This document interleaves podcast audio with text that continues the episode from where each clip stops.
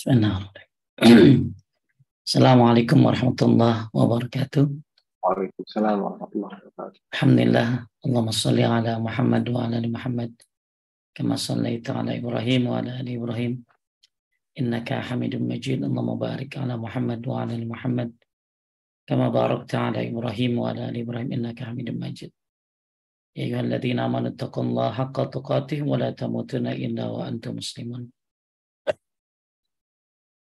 يا أيها الذين آمنوا اتقوا الله وقولوا قولا سديدا يصلح لكم أعمالكم ويغفر لكم ذنوبكم ومن يطع الله ورسوله فقد فاز فوزا عظيما أما بعد فإن أصدق الحديث كتاب الله وخير الهدي هدي محمد صلى الله عليه وسلم وشر الأمور محدثاتها وكل محدثة بدعة وكل بدعة ضلالة وكل ضلالة في النار Alhamdulillah pada hari ini Allah muliakan kita jumpa dengan saudara-saudara kita di UK dan sekitarnya. Semoga perjumpaan ini membawakan banyak keberkahan, banyak ilmu bermanfaat, dan semoga dengan belajar tauhid kita dimudahkan untuk menggapai ridhonya Allah Subhanahu wa taala, mencapai surganya Allah Subhanahu wa taala dan tentunya yang kita akan bahas pada hari ini dengan tauhid semoga kita dimudahkan untuk meraih cintanya Allah Subhanahu wa taala. Baik, Bapak Ibu sekalian menekan Allah, kita akan melanjutkan kajian tauhid sampai ke bab 31 ya Kang ya. ya. Saya akan share screen pembahasan kita.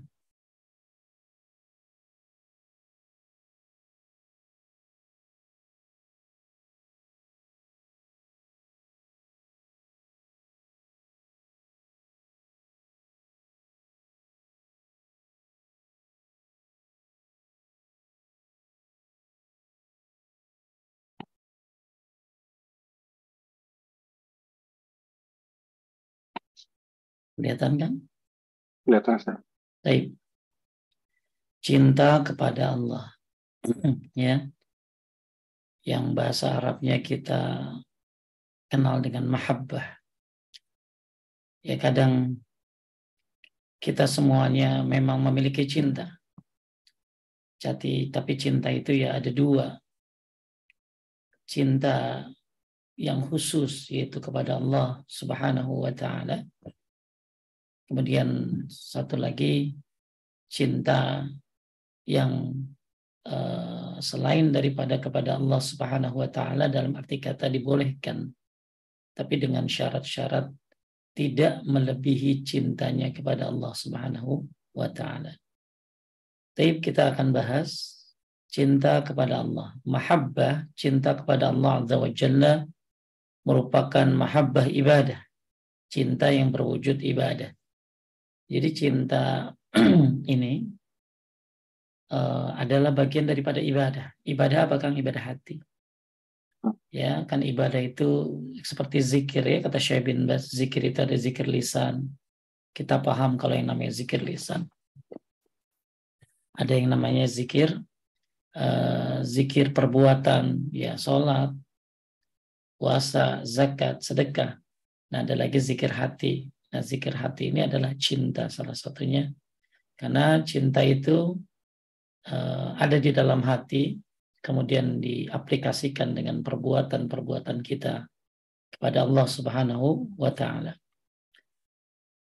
Kemudian yaitu cinta yang di dalamnya wajibkan akan adanya ketundukan dan pengagungan.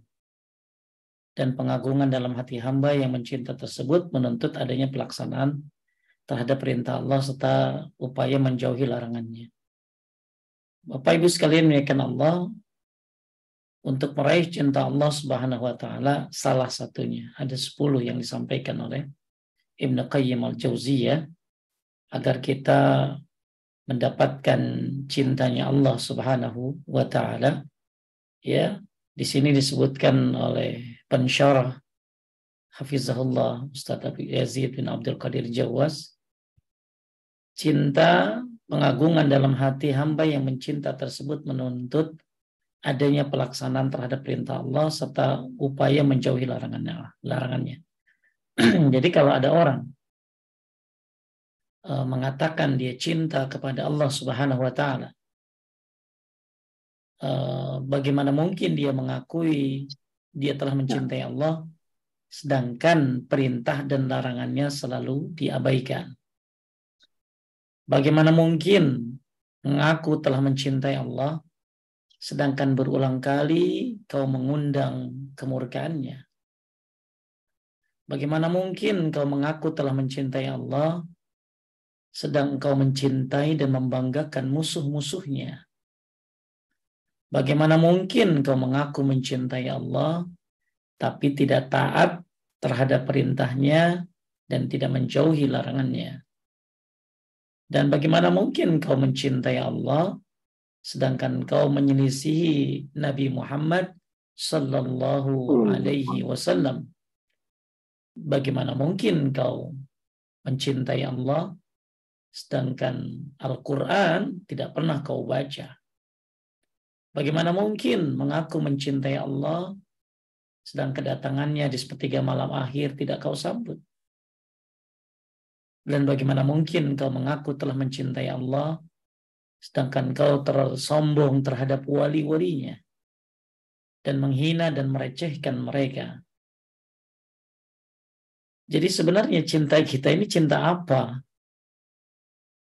Katanya mengaku cinta kepada Allah, sedangkan dosa-dosa dan maksiat secara sembunyi-sembunyi, secara terang-terangan masih kita lakukan.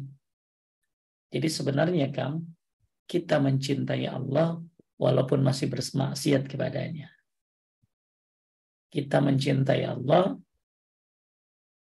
tapi masih bermaksiat kepadanya.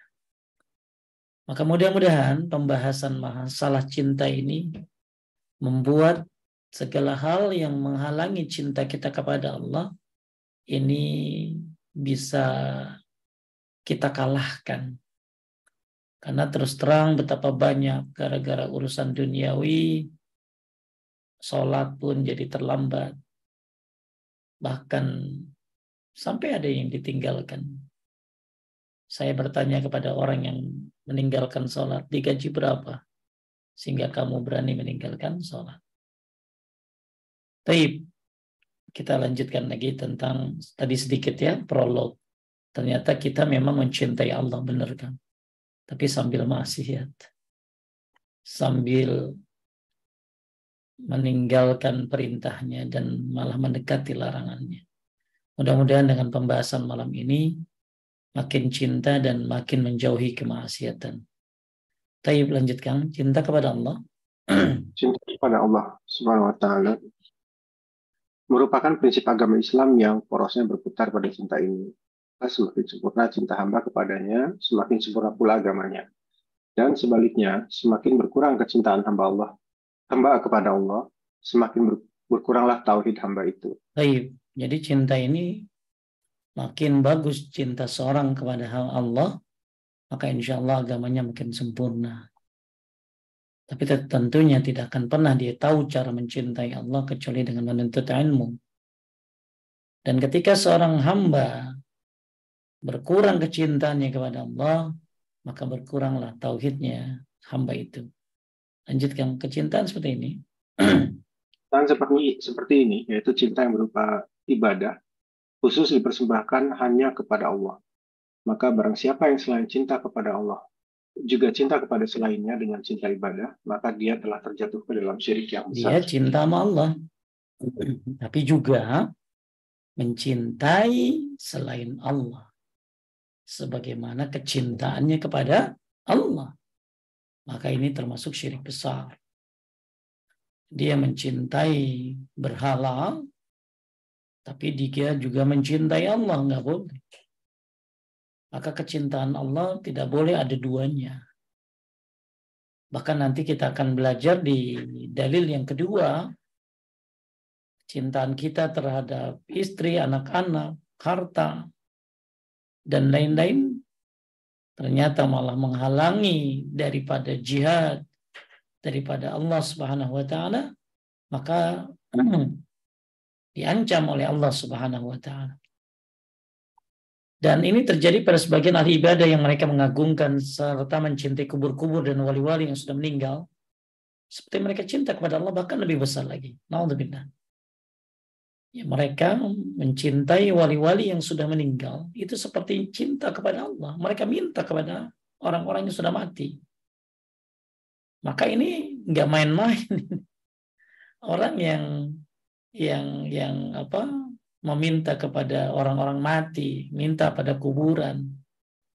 Cintanya dia kepada wali-wali tadi itu mengagungkannya ya ini seperti cintanya kepada Allah bahkan lebih besar lagi kalau mungkin kalau memang dia tidak tidak apa tidak menduakan Allah nggak akan dia minta kepada kuburan kan ya maka inilah poin ketidakjujuran orang dalam bertauhid. Makanya kita sudah belajar tentang syarat-syarat kalimat la ilaha illallah.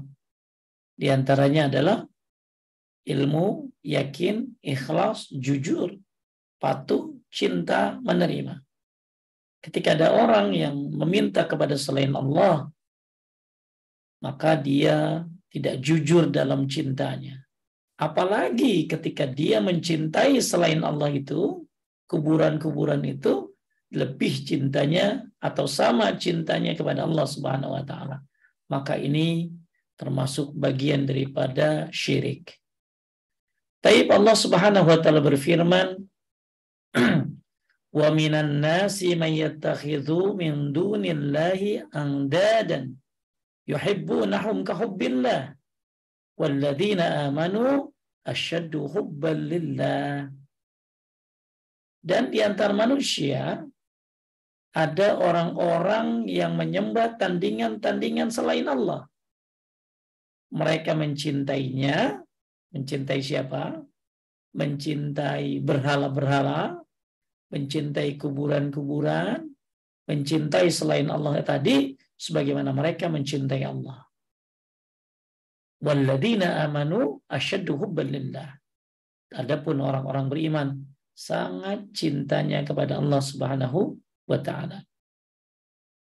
Kita lihat kata Ibnu Qayyim dalam uh, menurut pensyarah, lihat lanjutkan. Ya, Imam Ibnu Qayyim rahimahullah mengatakan Allah Allah Jalla wa ala mengabarkan bahwa orang yang mencintai sesuatu selain Allah yang dia cintai sebagaimana mencintai Allah Jalla wa'ala, maka dia termasuk orang yang menjadikan tandingan-tandingan bagi Allah. Dan tandingan di sini adalah tandingan dalam mahabbah atau kecintaan, bukan tandingan dalam ciptaan dan rububiyah. Kalau masalah penciptaan nggak ada yang bisa ngalahin Allah. Hmm. Kalau dalam masalah rububiyah nggak ada yang bisa ngalahin Allah. Tapi ternyata Allah Subhanahu wa taala dikalahkan dalam masalah kecintaan. Manusia menjadikan mengalahkan Allah dalam masalah apa tadi kecin kecintaan. Maksudnya apa? Ya, dia menjadikan tandingan-tandingan selain Allah, dia mencintai tandingan-tandingan itu seperti mencintai Allah. Nah, ini hal yang termasuk bagian daripada syirik. Karena lanjutkan. Karena hampir tidak terdapat seorang pun juga yang menetapkan adanya tandingan bagi Allah dalam hal penciptaan dan penciptaan dan rububiyah berbeda berbeda dengan tandingan bagi Allah Subhanahu wa taala dalam eh, berbeda dengan tandingan bagi Allah Subhanahu wa taala dalam kecintaan karena kebanyakan manusia telah menjadikan tandingan bagi Allah dalam kecintaan dan pengagungan. Taib. Jadi nggak ada yang bisa ngalahin Allah Subhanahu wa taala dalam penciptaan dan rububiyahnya. Tapi ternyata manusia-manusia menjadikan cintanya yang harusnya murni kepada Allah tapi dia bagi kepada selain Allah. Syaikhul Islam Ibn Taimiyah berkata, maka dialah Allah menyifati orang-orang beriman bahwa kecintaan mereka kepada Allah lebih besar daripada orang-orang musyrik. Para ulama mempunyai dua pendapat tentang ayat ini. A. Dikatakan mereka mencintai berhala-berhala mereka sebagaimana kecintaan kaum mukminin kepada Allah. Dan kecintaan kaum mukminin kepada Allah lebih besar daripada kecintaan mereka terhadap berhala-berhala mereka. Ini ada dua penafsiran tentang maksud daripada orang mukmin hanya cinta kepada Allah Subhanahu wa taala. Yang B tentunya yang lebih lebih mendekati kebenaran Dikatakan mereka mencintai berhala-berhala mereka sebagaimana kecintaan pada Allah. Dan kecintaan kaum mukminin pada Allah lebih besar daripada kecintaan mereka kepada Allah. Dan inilah pendapat yang benar. Ada pendapat yang pertama adalah pendapat kontradiktif dan batil. Karena orang musyrik tidak mencintai tandingan-tandingan tersebut sebagaimana kecintaan kaum mukminin kepada Allah Subhanahu wa taala.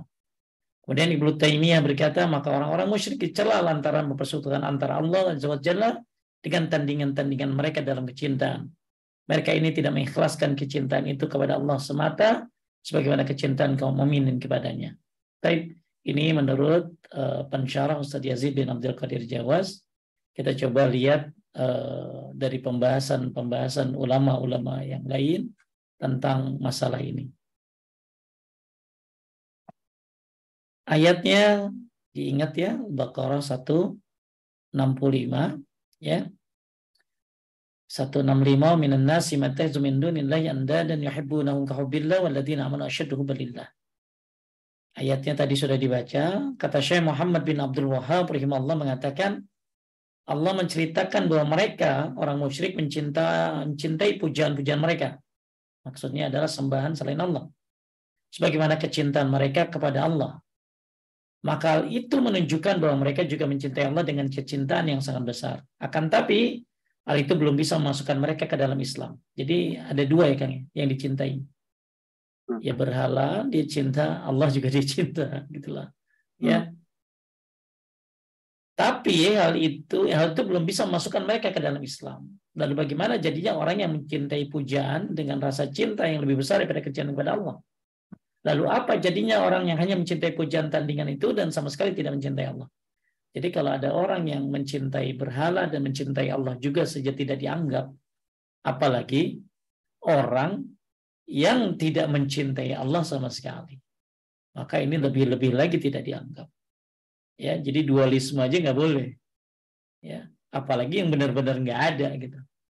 Dia mencintai berhala juga, dia mencintai Allah juga. Nah, ini nggak boleh. Nah, apalagi kedudukannya orang yang benar-benar nggak mencintai Allah. Ibnu Katsir rahimahullah menjelaskan, boleh kan Allah Ta'ala? Eh, Allah Ta'ala menyebutkan tentang kondisi orang-orang musyrik ketika hidup di dunia dan ketika berada di akhirat. Mereka itu telah mengangkat sekutu-sekutu bagi Allah, yaitu sesembahan-sesembahan tandingan. Mereka menyembahnya di samping menyembah Allah. Dan mereka mencintainya sebagaimana mencintai Allah. Dia itu adalah Allah yang tidak ada sesembahan yang hak kecuali dia. Tidak ada yang sanggup menentangnya, tidak ada yang bisa menandinginya, dan tiada sekutu bersamanya. Dalam Sahihain, Sahih Bukhari, dalam, dari ya, Abdullah bin Mas'ud. Uh, dari Abdullah bin Mas'ud radhiyallahu anhu, dia berkata, aku bertanya, wahai Rasulullah, dosa apakah yang terbesar? Beliau menjawab, yaitu engkau mengangkat selain Allah sebagai sekutu baginya, padahal dialah yang menciptakanmu. Sedangkan firman Allah, adapun orang-orang beriman lebih dalam cintanya kepada Allah, Hal itu dikarenakan kecintaan mereka, itu orang-orang beriman, ikhlas untuk Allah dan karena kesempurnaan mereka dalam mengenalinya, penghormatan dan tauhid mereka kepadanya. Mereka tidak mempersekutukan apa pun dengannya, akan tetapi mereka hanya menyembahnya semata, bertawakal kepadanya dan mengembalikan segala urusan kepadanya. Baik, di sini disebutkan sedangkan firman Allah adapun orang beriman lebih cintanya kepada Allah. Kenapa? Karena kecintaan mereka orang beriman itu ikhlas untuk Allah. Jadi kalau ada orang yang mendua, ya berarti nggak ikhlas dalam mencintai Allah. Ya, ada yang meminta kepada kuburan, maka dia tidak ikhlas dalam mencintai Allah Subhanahu wa taala. Termasuk dia tidak jujur. Dia kenapa juga dia dia mencintai Allah orang beriman itu karena kesempurnaan mereka dalam mengenalinya.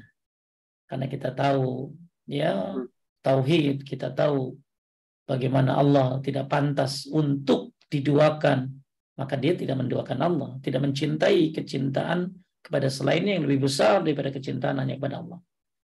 Karena dia tahu penghormatan, ya, dan lain sebagainya yang menyebabkan orang ini kenapa sangat mencintai Allah Subhanahu wa taala ya karena intinya ikhlas, jujur, ya dan paham tauhid.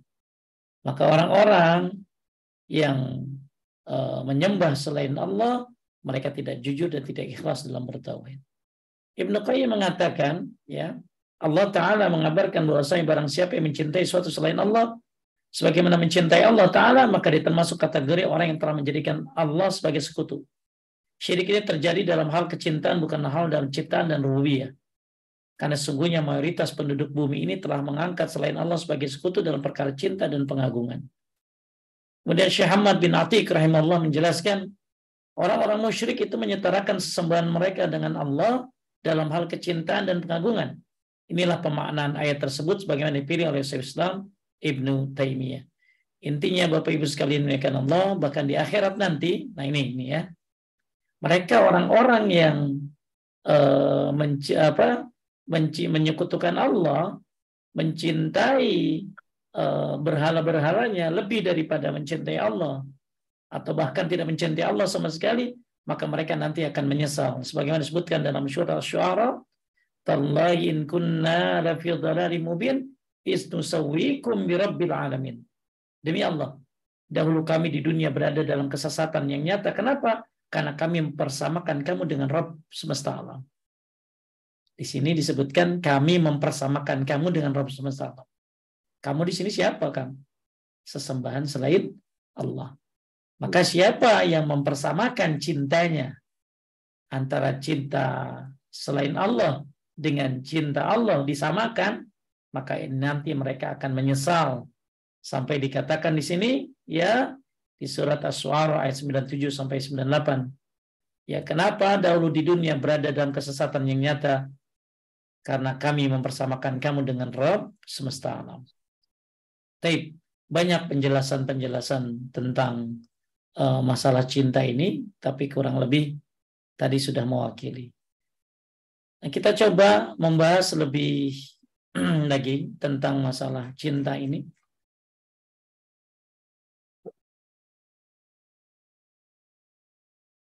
Cinta Syekh Muhammad bin Salih Utsaimin menjelaskan mahabbah ini ada dua.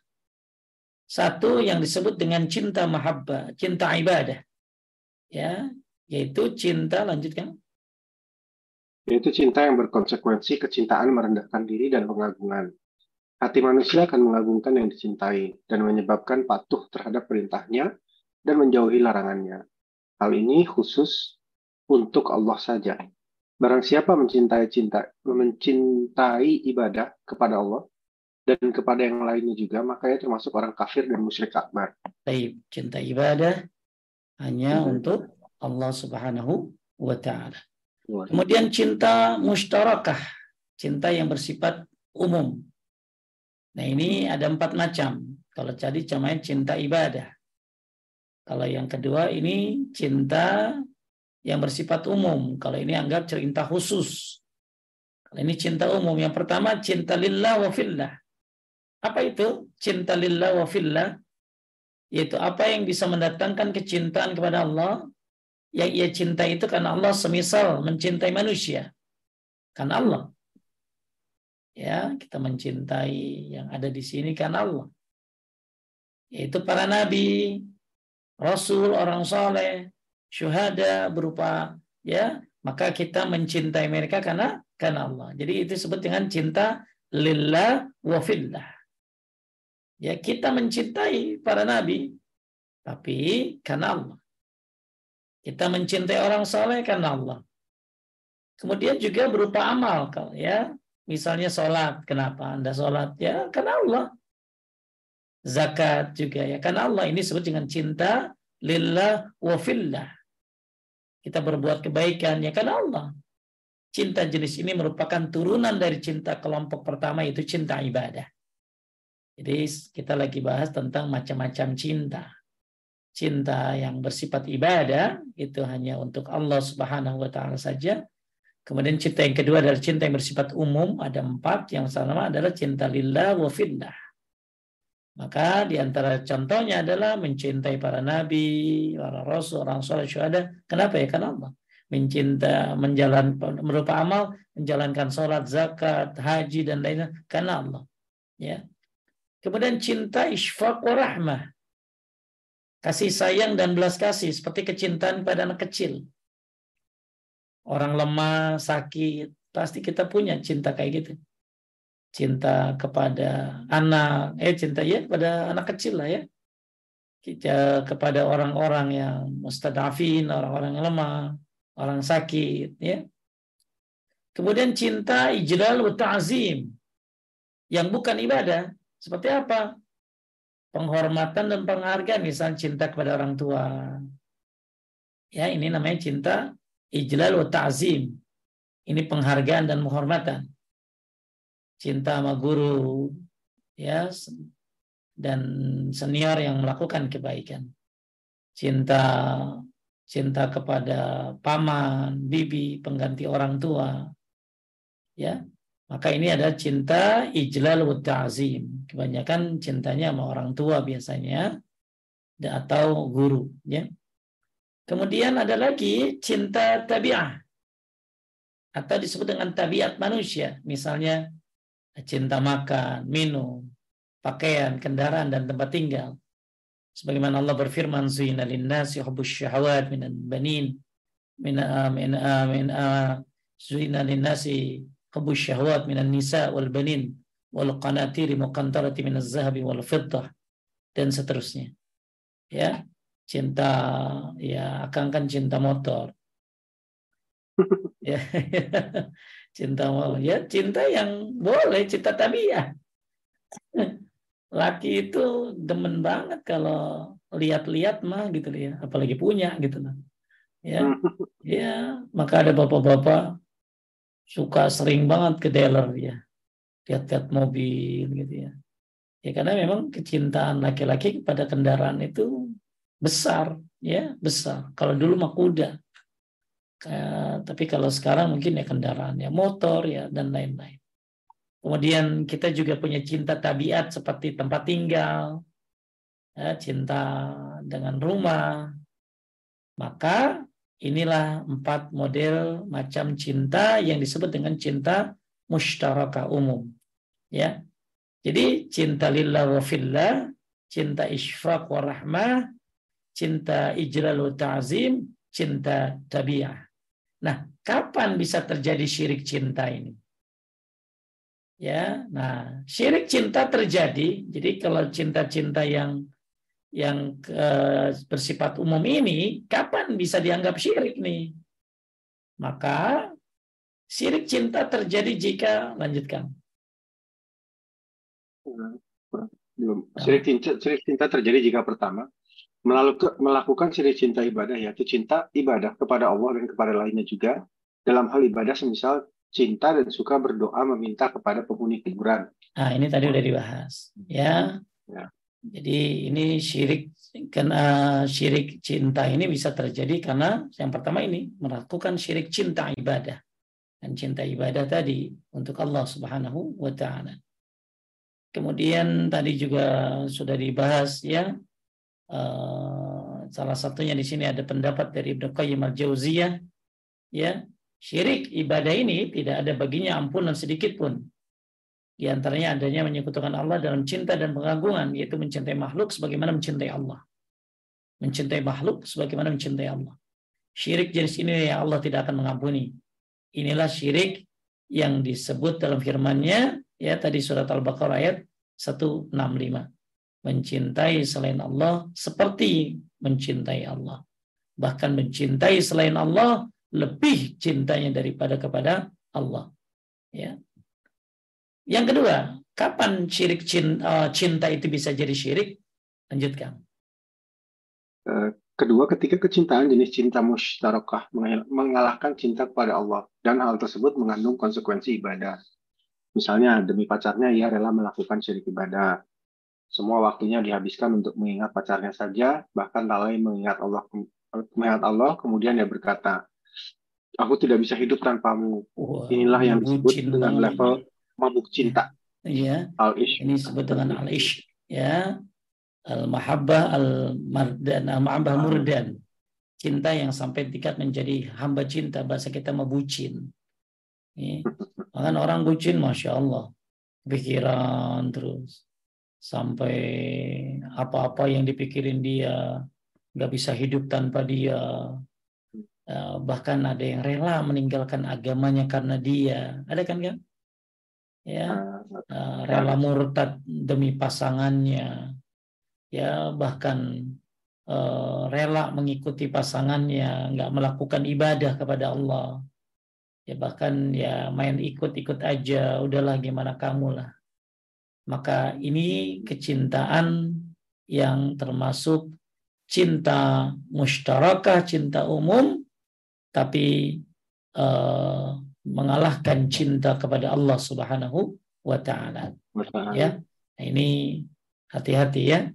Jangan sampai kecintaan kita kepada uh, kepada orang tua akhirnya mengalahkan cintanya kepada Allah. Bisa, bisa. Orang tua menyuruh melakukan kesyirikan, kita ikutin nggak boleh. Ya, orang tua menyuruh meninggalkan sholat, maka kita tidak boleh melakukannya. Kenapa? Karena kecintaan kepada Allah, ya, itu lebih utama. Dan itu kecintaan ibadah. Kecintaan yang lain hanya umum saja. Kemudian juga uh, ini uh, kita kembali kepada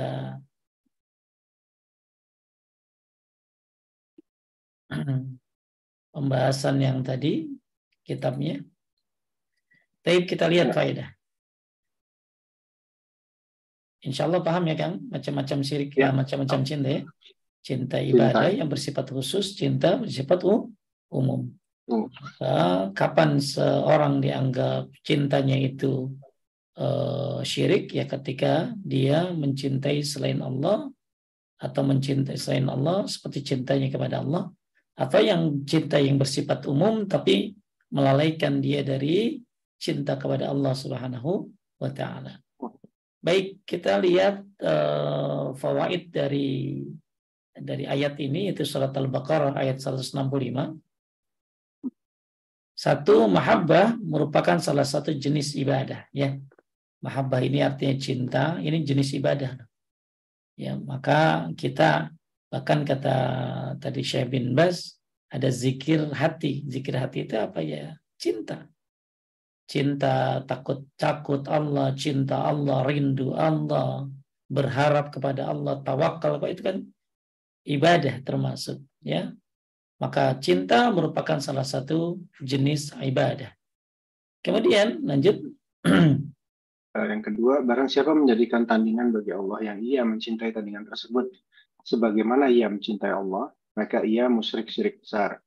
Karena cinta adalah ibadah, sedangkan mempersembahkan ibadah kepada selain Allah adalah syirik besar. Ya. Yang ketiga, di antara orang musyrik, ada yang mencintai Allah Azza wa Jalla dengan kecintaan yang sangat besar. Tetapi hal itu tidak berguna tanpa mengikhlaskan cinta hanya kepadanya. Dan yang keempat, mengikhlaskan kecintaan kecintaan hanya kepada Allah termasuk tanda keimanan. Baik. Ya, inilah faedah dari surat Al-Baqarah ayat 165 wa minan nasi mayattahizu min dunillahi andada yuhibbunahum ka hubbillah walladzina amanu asyaddu hubban lillah. Kemudian kita masuk kepada ayat yang kedua tentang uh, mahabbah أعوذ بالله من الشيطان الرجيم. قل إن كان آباؤكم وأبناؤكم وإخوانكم وأزواجكم وعشيرتكم وأموال اقترفتموها وتجارة تحشون كسادها ومساكن ترضونها أحب إليكم من الله ورسوله وجهاد في سبيله فتربصوا حتى يأتي الله بأمره. Tapi perhatikan Bapak Ibu, ini surat At-Taubah juga. Ya, ini ayat 24. Sekali lagi saya bacakan. Kul in kana aba'ukum wa abna'ukum wa ikhwanukum wa azwajukum wa ashiratukum wa amwalun ya iktaraftumuha wa tijaratun tahshawna kasadaha wa masakinu tardawnaha ahabba ilaikum minallahi wa rasulihi wa jihadin fi sabilihi fatarabbasu hatta ya'ti Allahu bi amri. Artinya kan?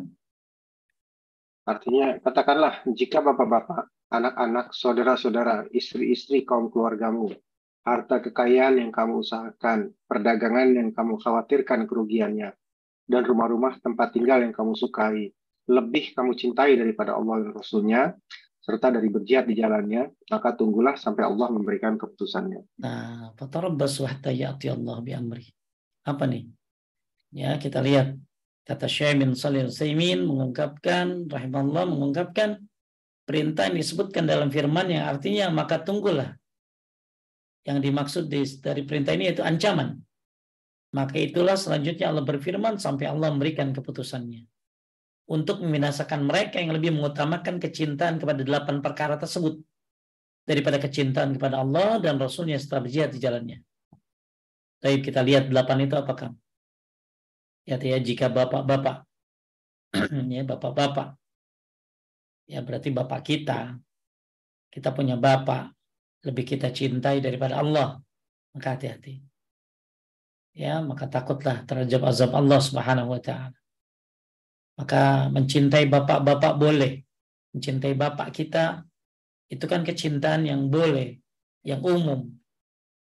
Tapi jangan sampai kecintaan kepada orang tua kita mengalahkan cinta kepada Allah Subhanahu wa taala. Anak-anak, ini delapan nih Kang ya. Anak-anak, Wah ini lebih nih Kang ya. Cinta sama anak itu luar biasa. Ya. Saudara-saudara, istri-istri, keempat tuh. Kaum keluargamu, lima. Harta kekayaan yang kamu usahakan. Nah ini lebih nih. Ya. ya jadi cinta sama bapak, anak, saudara, istri, keluargamu, apalagi ditambah dengan cinta kepada kekayaan yang kamu usahakan cinta kepada perdagangan yang kamu khawatirkan kerugiannya, dan rumah-rumah tempat tinggal yang kamu sukai. Nah ini dia, udah delapan nih kan. Lebih kamu cintai daripada Allah dan Rasulnya. Maka hati-hati. Ya, jangan sampai kecintaan kita kepada harta lagi kerja azan gimana ya maka segeralah untuk melaksanakan sholat hati-hati suatu kaum yang sering mengakhirkan sholat, maka Allah akan mengakhirkannya.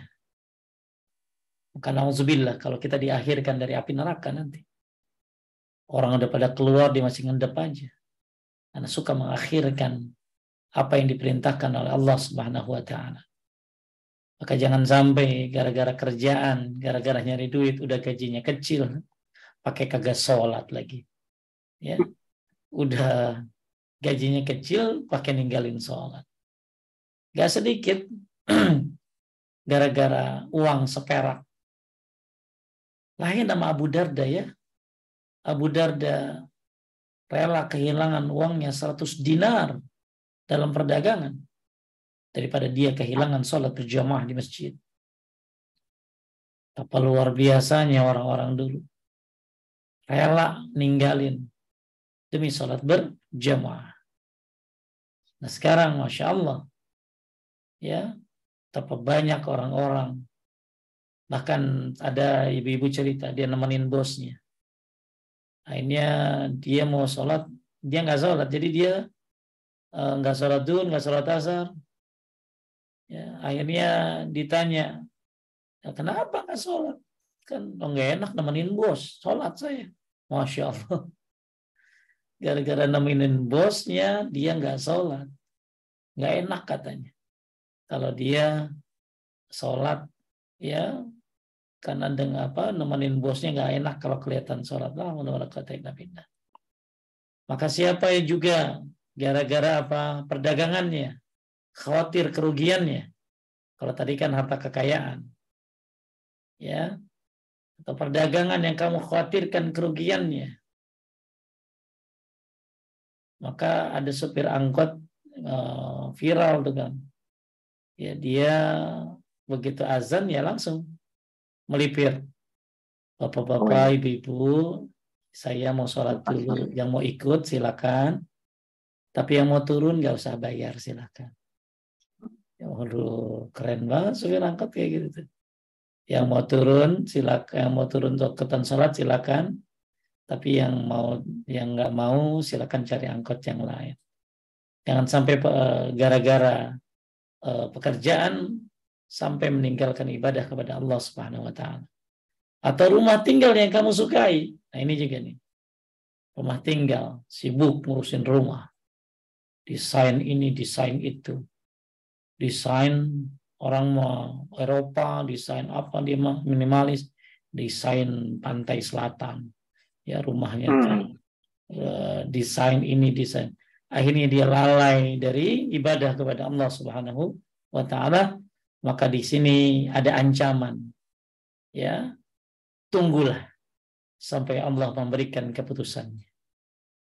Taib, lanjutkan. Maka ayat di atas. maka ayat, ayat di atas menunjukkan bahwasanya kecintaan terhadap delapan perkara tersebut, walaupun kecintaan ini bukan cinta yang berupa ibadah, tetapi jika lebih diutamakan daripada kecintaan kepada Allah, maka kecintaan seperti ini menjadi sebab datangnya hukuman dari Allah. Ya, kan dia nggak syirik kan, betul? Maksudnya nggak nggak nggak nggak nggak menyekutukan Allah. Tapi mereka mengutamakan delapan tadi daripada kecintaan kepada Allah. Daripada ibadah kepada Allah. Maka ini bisa menjadikan sebab datangnya hukuman dari Allah Subhanahu wa taala. Gara-gara yang delapan tadi akhirnya yang delapan tadi lebih diutamakan daripada kecintaan kepada Allah. Maka apa pun yang kita miliki, ya, harta, kendaraan, anak-anak, semuanya. Jangan sampai lebih kita utamakan daripada kecintaan kepada Allah Subhanahu wa taala. Ada waktu itu saya lagi nerangin surat At-Takatsur.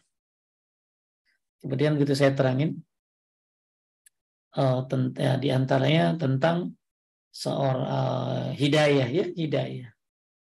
Terus akhirnya ada ibu-ibu nangis kan. Ternyata ibu itu ingat anaknya. Anaknya itu meninggal satu-satunya. Anak itunya lah, anaknya yang suka ngajakin dia kalau lagi ke pasar. Mami sholat dulu. Ya, bahkan anaknya juga yang mengingatkan dia tentang hijab. Maka tapi anaknya meninggal, ya, jatuh dari motor.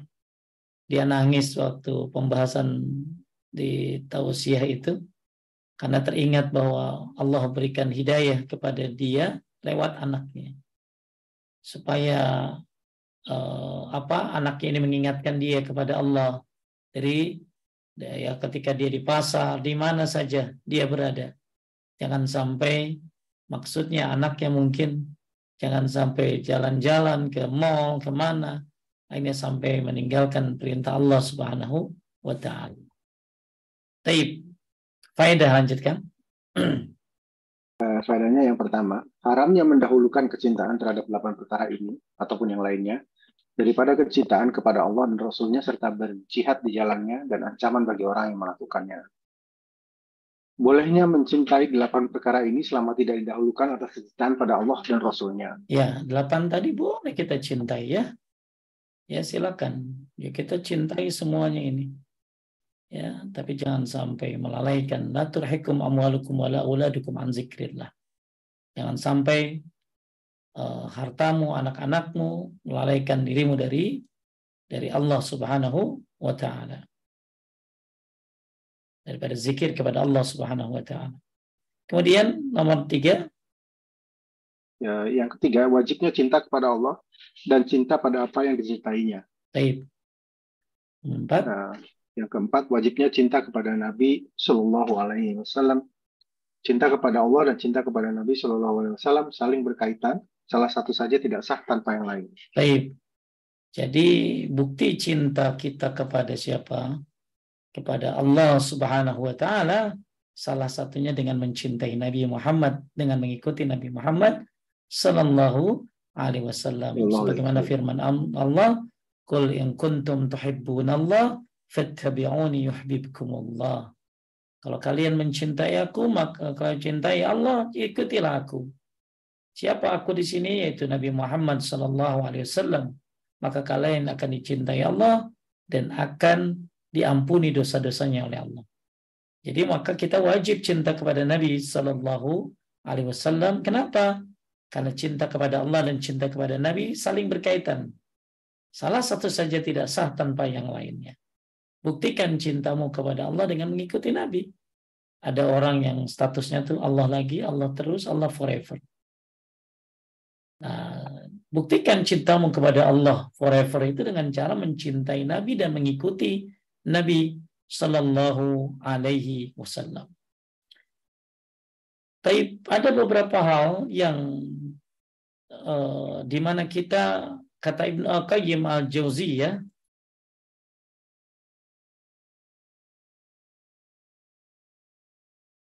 berdasarkan firman Allah surat Al-Baqarah tadi 165 ya.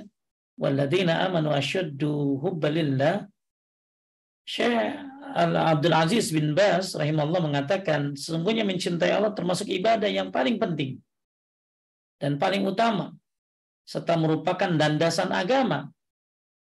Sebab mencintai Allah mengharuskan ikhlas kepadanya mentaati perintahnya meninggalkan larangannya dan tunduk kepadanya Ya, jadi kata Syekh bin Bas, mencintai Allah termasuk ibadah yang paling penting dan paling utama. Nah, Ibnu Qayyim menyebutkan berapa hal untuk mendapatkan cinta Allah Subhanahu wa taala. Jadi kalau tadi kita berbicara bahwa jangan sampai yang delapan tadi membuat kita mencintai mereka ya lebih daripada mencintai Allah Subhanahu wa taala kita mencintai delapan tadi dan meninggalkan perintah Allah Subhanahu wa taala. Dan kata penulis tadi mencintai Allah pun dibarengi dengan mencintai Nabi Muhammad SAW. Dan tadi sudah kita bahas bagaimana mencintai Allah Subhanahu wa taala tidak bisa digandengkan dengan cinta yang lain yang dia nggak boleh mencintai yang lain dia hanya murni mencintai Allah Subhanahu wa taala dalam cinta ibadah Nah, untuk cinta yang umum dibolehkan termasuk yang delapan tadi, asalkan tidak mengalahkan cintanya kepada Allah Subhanahu wa taala. Nah, Ibnu Qayyim menyebutkan berapa hal tentunya kita pengen banget dicintai oleh Allah. Ya, kita kita harus mencintai Allah. Kita harus. Nah, sekarang bagaimana kita mendapatkan cintanya Allah Subhanahu wa taala? Maka yang pertama, kata Ibnu Qayyim lanjutkan, Pertama, membaca Al-Quran dengan merenungi dan memahami maknanya. Hal ini bisa dilakukan sebagaimana seseorang memahami sebuah buku, yaitu dia menghafal dan harus mendapat penjelasan terhadap isi buku tersebut. Ini semua dilakukan untuk memahami apa yang dimaksudkan oleh si penulis buku. Maka begitu pula yang dapat dilakukan terhadap Al-Quran. Masya Allah. Jadi kalau bisa jangan baca doang, Kang ya. Tapi merenungi. Apa maksudnya?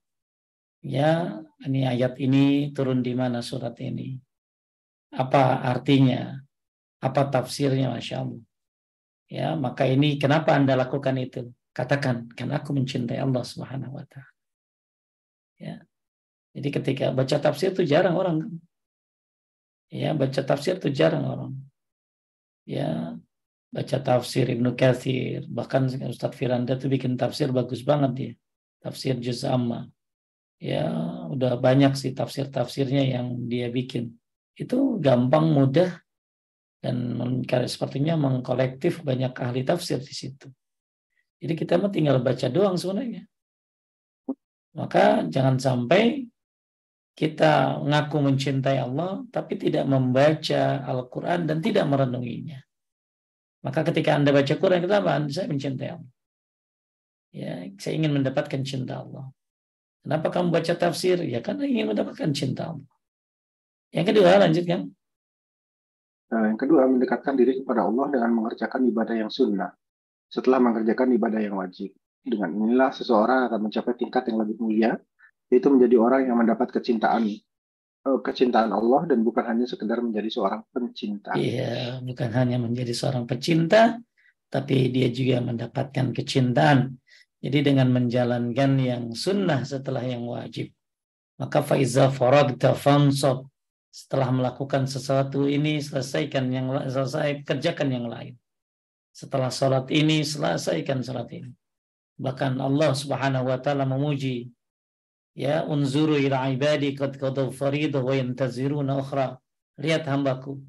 Dia telah melakukan yang fardu dan sekarang dia menanti amalan yang lainnya. Allah memuji kita di hadapan para malaikat. Kalau kita menunggu amalan-amalan selanjutnya dari maghrib kita nungguin isya apalagi di masjid nggak pulang. Ya. Unzuru ila ibadi qad faridah. Lihat hambaku dia telah melakukan yang fardu wa yantaziruna ukhra. Dan dia sekarang sedang menantikan yang lainnya. Maksudnya menanti amalan berikutnya. Ya amalan sunnah ba'diyah. Masya Allah. Ini bukan hanya sekedar pahala dapat rumah di surga tapi anda mendapatkan kecintaan dari Allah subhanahu wa ta'ala anda bukan hanya pecinta tapi Anda mendapatkan kecintaan dengan menjalankan yang sunnah. Terus yang ketiga, nah, yang ketiga terus-menerus mengingat Allah dalam setiap keadaan, baik dengan hati dan lisan atau dengan amalan keadaan dirinya. Ingatlah kecintaan kepada Allah akan diperoleh sekedar dengan keadaan zikir kepadanya.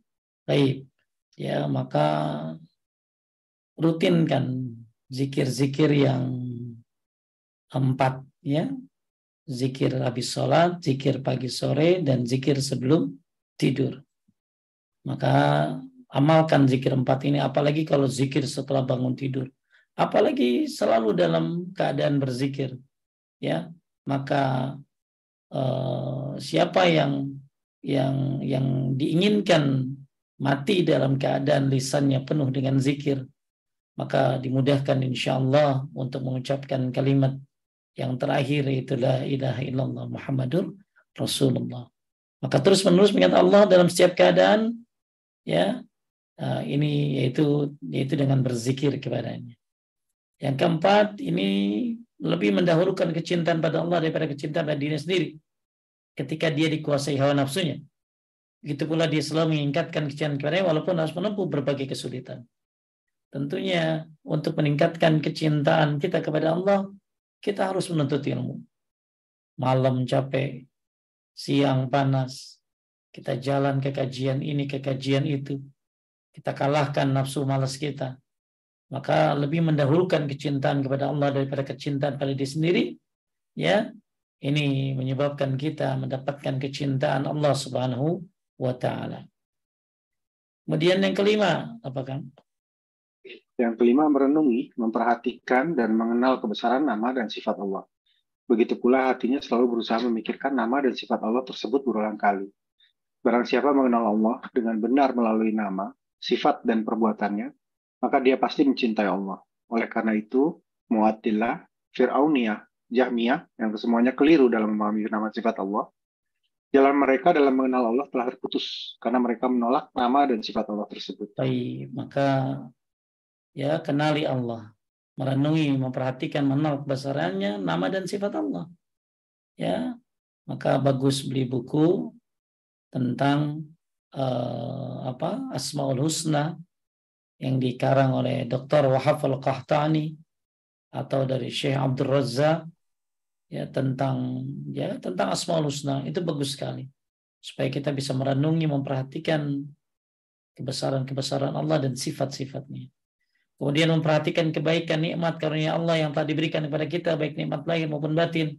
Ini faktor yang mendorong untuk mencintainya. Ya, lihat kita. Apa yang Allah sudah kasih. Masya Allah. Terlalu berlimpah. Maka dengan memikirkan nikmat-nikmat ini, maka ya faktor yang mendorong untuk mencintai Allah Subhanahu wa taala. Kemudian yang selanjutnya menghadirkan hati secara dalam melakukan ketaatan kepada Allah dan menurunkan makna yang terkandung dalamnya. Ya, ya sholat dengan khusyuk, menghadirkan hati, ya. Kemudian menyendiri dengan Allah di saat Allah turun ke langit dunia seperti malam. Ya, untuk beribadah dan beristighfar di waktu sahur. Ini termasuk sebab-sebab yang mudah-mudahan dengan sebab ini Allah memberikan cintanya kepada kita. Ya, Kemudian kesembilan duduk bersama orang yang mencintai Allah dan bersama para siddiqin. Memetik perkataan mereka seperti buah yang begitu nikmat. Ya, ini duduk bersama orang-orang soleh. Ya. Kemudian yang ke sepuluh apa kan? Yang ke sepuluh menjauhi segala sebab yang dapat menghalangi antara kita. Semoga kita senantiasa mendapatkan perintah Allah, jalan dan dicari setiap tambah, jalan setiap tetap ganti, dan setiap nafasnya.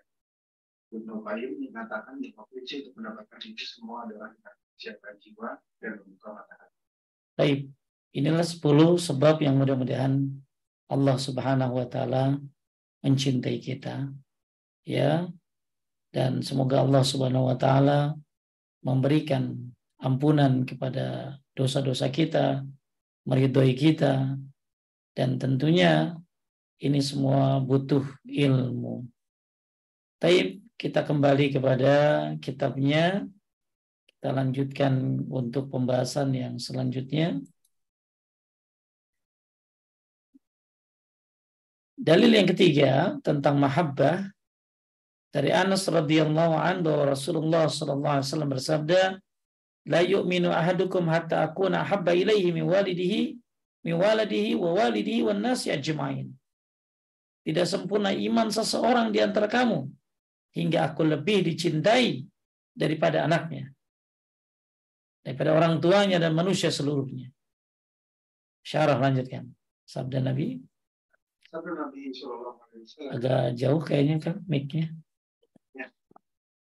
Bisa dengar sekarang? Baik. Nah. Sabda Nabi Shallallahu Alaihi Wasallam dalam hadis Anas di atas, tidak beriman, sungguh ini adalah penafian atau peniadaan terhadap keimanan.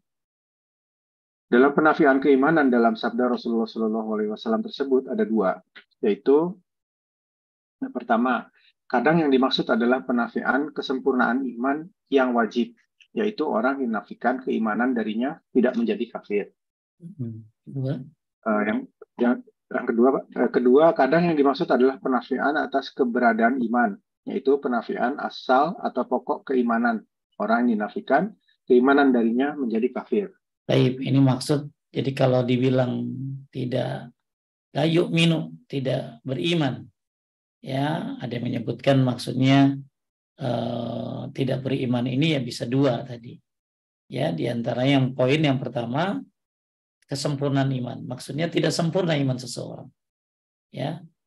Nah, salah satunya itu yang kedua yang dimaksud adalah penafian atas keberadaan iman. Dan keimanan yang dinafikan dalam hadis ini adalah kesempurnaan iman yang wajib.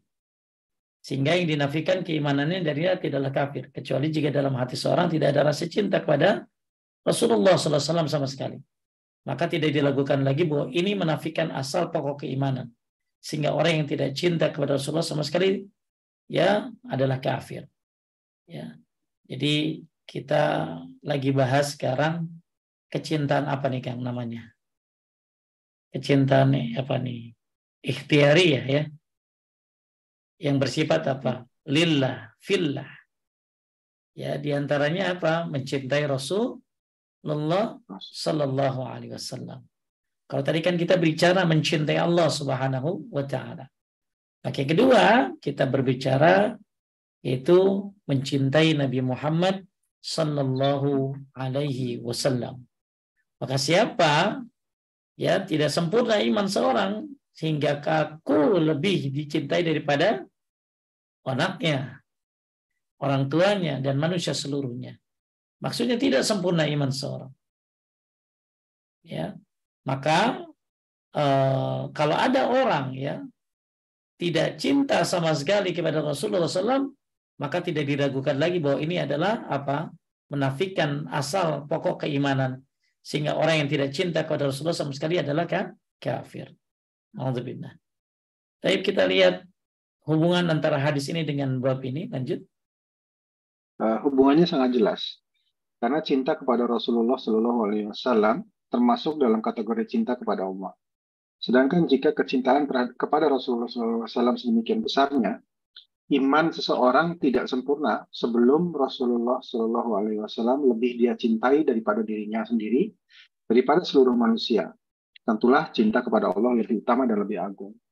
Baik, ya jadi uh, hubungannya dengan hadis ini dengan bab ini adalah bahwa kita cinta kepada Rasulullah termasuk kategori cinta kepada Allah Subhanahu wa taala. Tadi lillah fillah. Maka tadi siapa yang mencintai Allah maka ikutilah aku. Aku di sini siapa Nabi Muhammad sallallahu alaihi wasallam. Bahkan ada banyak faedah ketika kita mencintai Nabi sallallahu alaihi wasallam. Apa faedahnya? Yang pertama, mencintai Nabi Shallallahu Alaihi Wasallam merupakan sebab mendapatkan manisnya iman. Ya, sebagaimana riwayat dari Bukhari dan Muslim dari Anas radhiyallahu an. Ya, kita sering dengar hadisnya kata Nabi sallallahu alaihi wasallam tiga perkara yang membuat seorang akan mendapatkan manisnya iman. Jadi siapa yang pengen mendapatkan manisnya iman, maka lakukan tiga perkara ini. Apa itu? Allah dan Rasulnya. Allah dan Rasulnya lebih dia cintai daripada selain keduanya. Tapi ingat ya, Rasulullah itu hamba Allah. Dan dia utusannya, Abdullah wa Rasuluh. Kita mencintainya. Tapi jangan sampai kecintaan kepada Rasulullah Sallallahu Alaihi Wasallam anda akhirnya meminta kepada Rasulullah SAW, menyembah kepada Rasulullah SAW, tidak boleh. Jadi kecintaan kepada Rasulullah SAW adalah bagian daripada cinta kepada Allah Subhanahu Wa Taala yang tadi kita bahas adalah cinta lillah, cinta fillah. Maka kita harus cinta kepada Nabi Shallallahu Alaihi Wasallam, mencintainya. Bagaimana mencintainya? Dengan mendahulukan perkataan-perkataannya, ya ngaku cinta Nabi tapi perkataan Nabi di belakangin mulu sampai perkataan Nabi dikalahin sama neneknya perkataan Nabi dikalahin sama ustadznya. Ya. Uh, mengakui di hatinya di lisannya. Kemudian apalagi menjalankan perintahnya jauh larangannya. Jalankan sunnah-sunnahnya. Dan juga ternyata mencintai Nabi Shallallahu Alaihi Wasallam ini adalah buah daripada manisnya iman. Yang pertama tadi Allah dan Rasulnya lebih dia cintai daripada selain keduanya. Ya. Kemudian mencintai Nabi Shallallahu Alaihi Wasallam akan menjadikan seorang bersama beliau di akhirat. Kita sering dengar hadis Nabi anta ma'a man ahbabta. Kamu bersama dengan orang yang kamu cintai. Ya Anas bin Malik radhiyallahu an ya ketika ada orang yang bertanya kepada Nabi kapan datang hari kiamat? Maka Nabi mengatakan, ma'adat talaha, apa yang kau persiapkan? Maka akhirnya orang itu bilang, dia menjawab cinta Allah dan Rasulnya. Maka kata Nabi SAW, anta ma'aman ahbabta, engkau bersama dengan orang yang kamu cintai. Maka siapa yang mencintai Nabi SAW, anda akan bersama Nabi SAW nanti.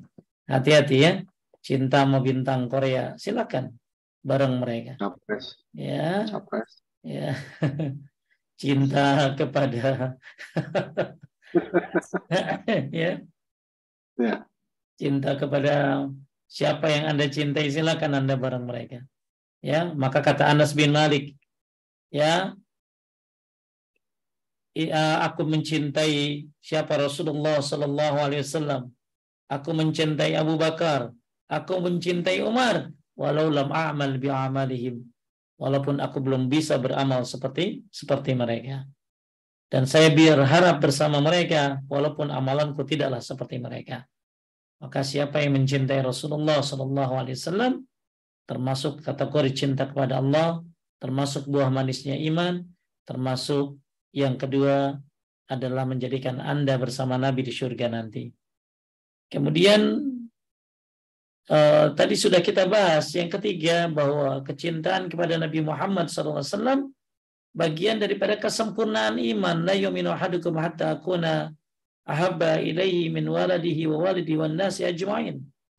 Maka siapa yang mencintai Rasulullah sallallahu alaihi wasallam maka inilah Anda sudah mencapai kesempurnaan iman.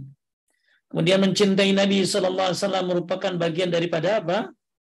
Zikrullah yang akan membuahkan hilangnya kesedihan perbaikan keadaan dan ampunan dosa. Allah Ta'ala berfirman di surat Muhammad ayat 2. Dan orang-orang mukmin dan beramal saleh serta beriman kepada apa yang diturunkan kepada Muhammad SAW dan itulah yang hak dari Tuhan mereka. Allah menghapuskan kesalahan-kesalahan mereka dan memperbaiki keadaan mereka.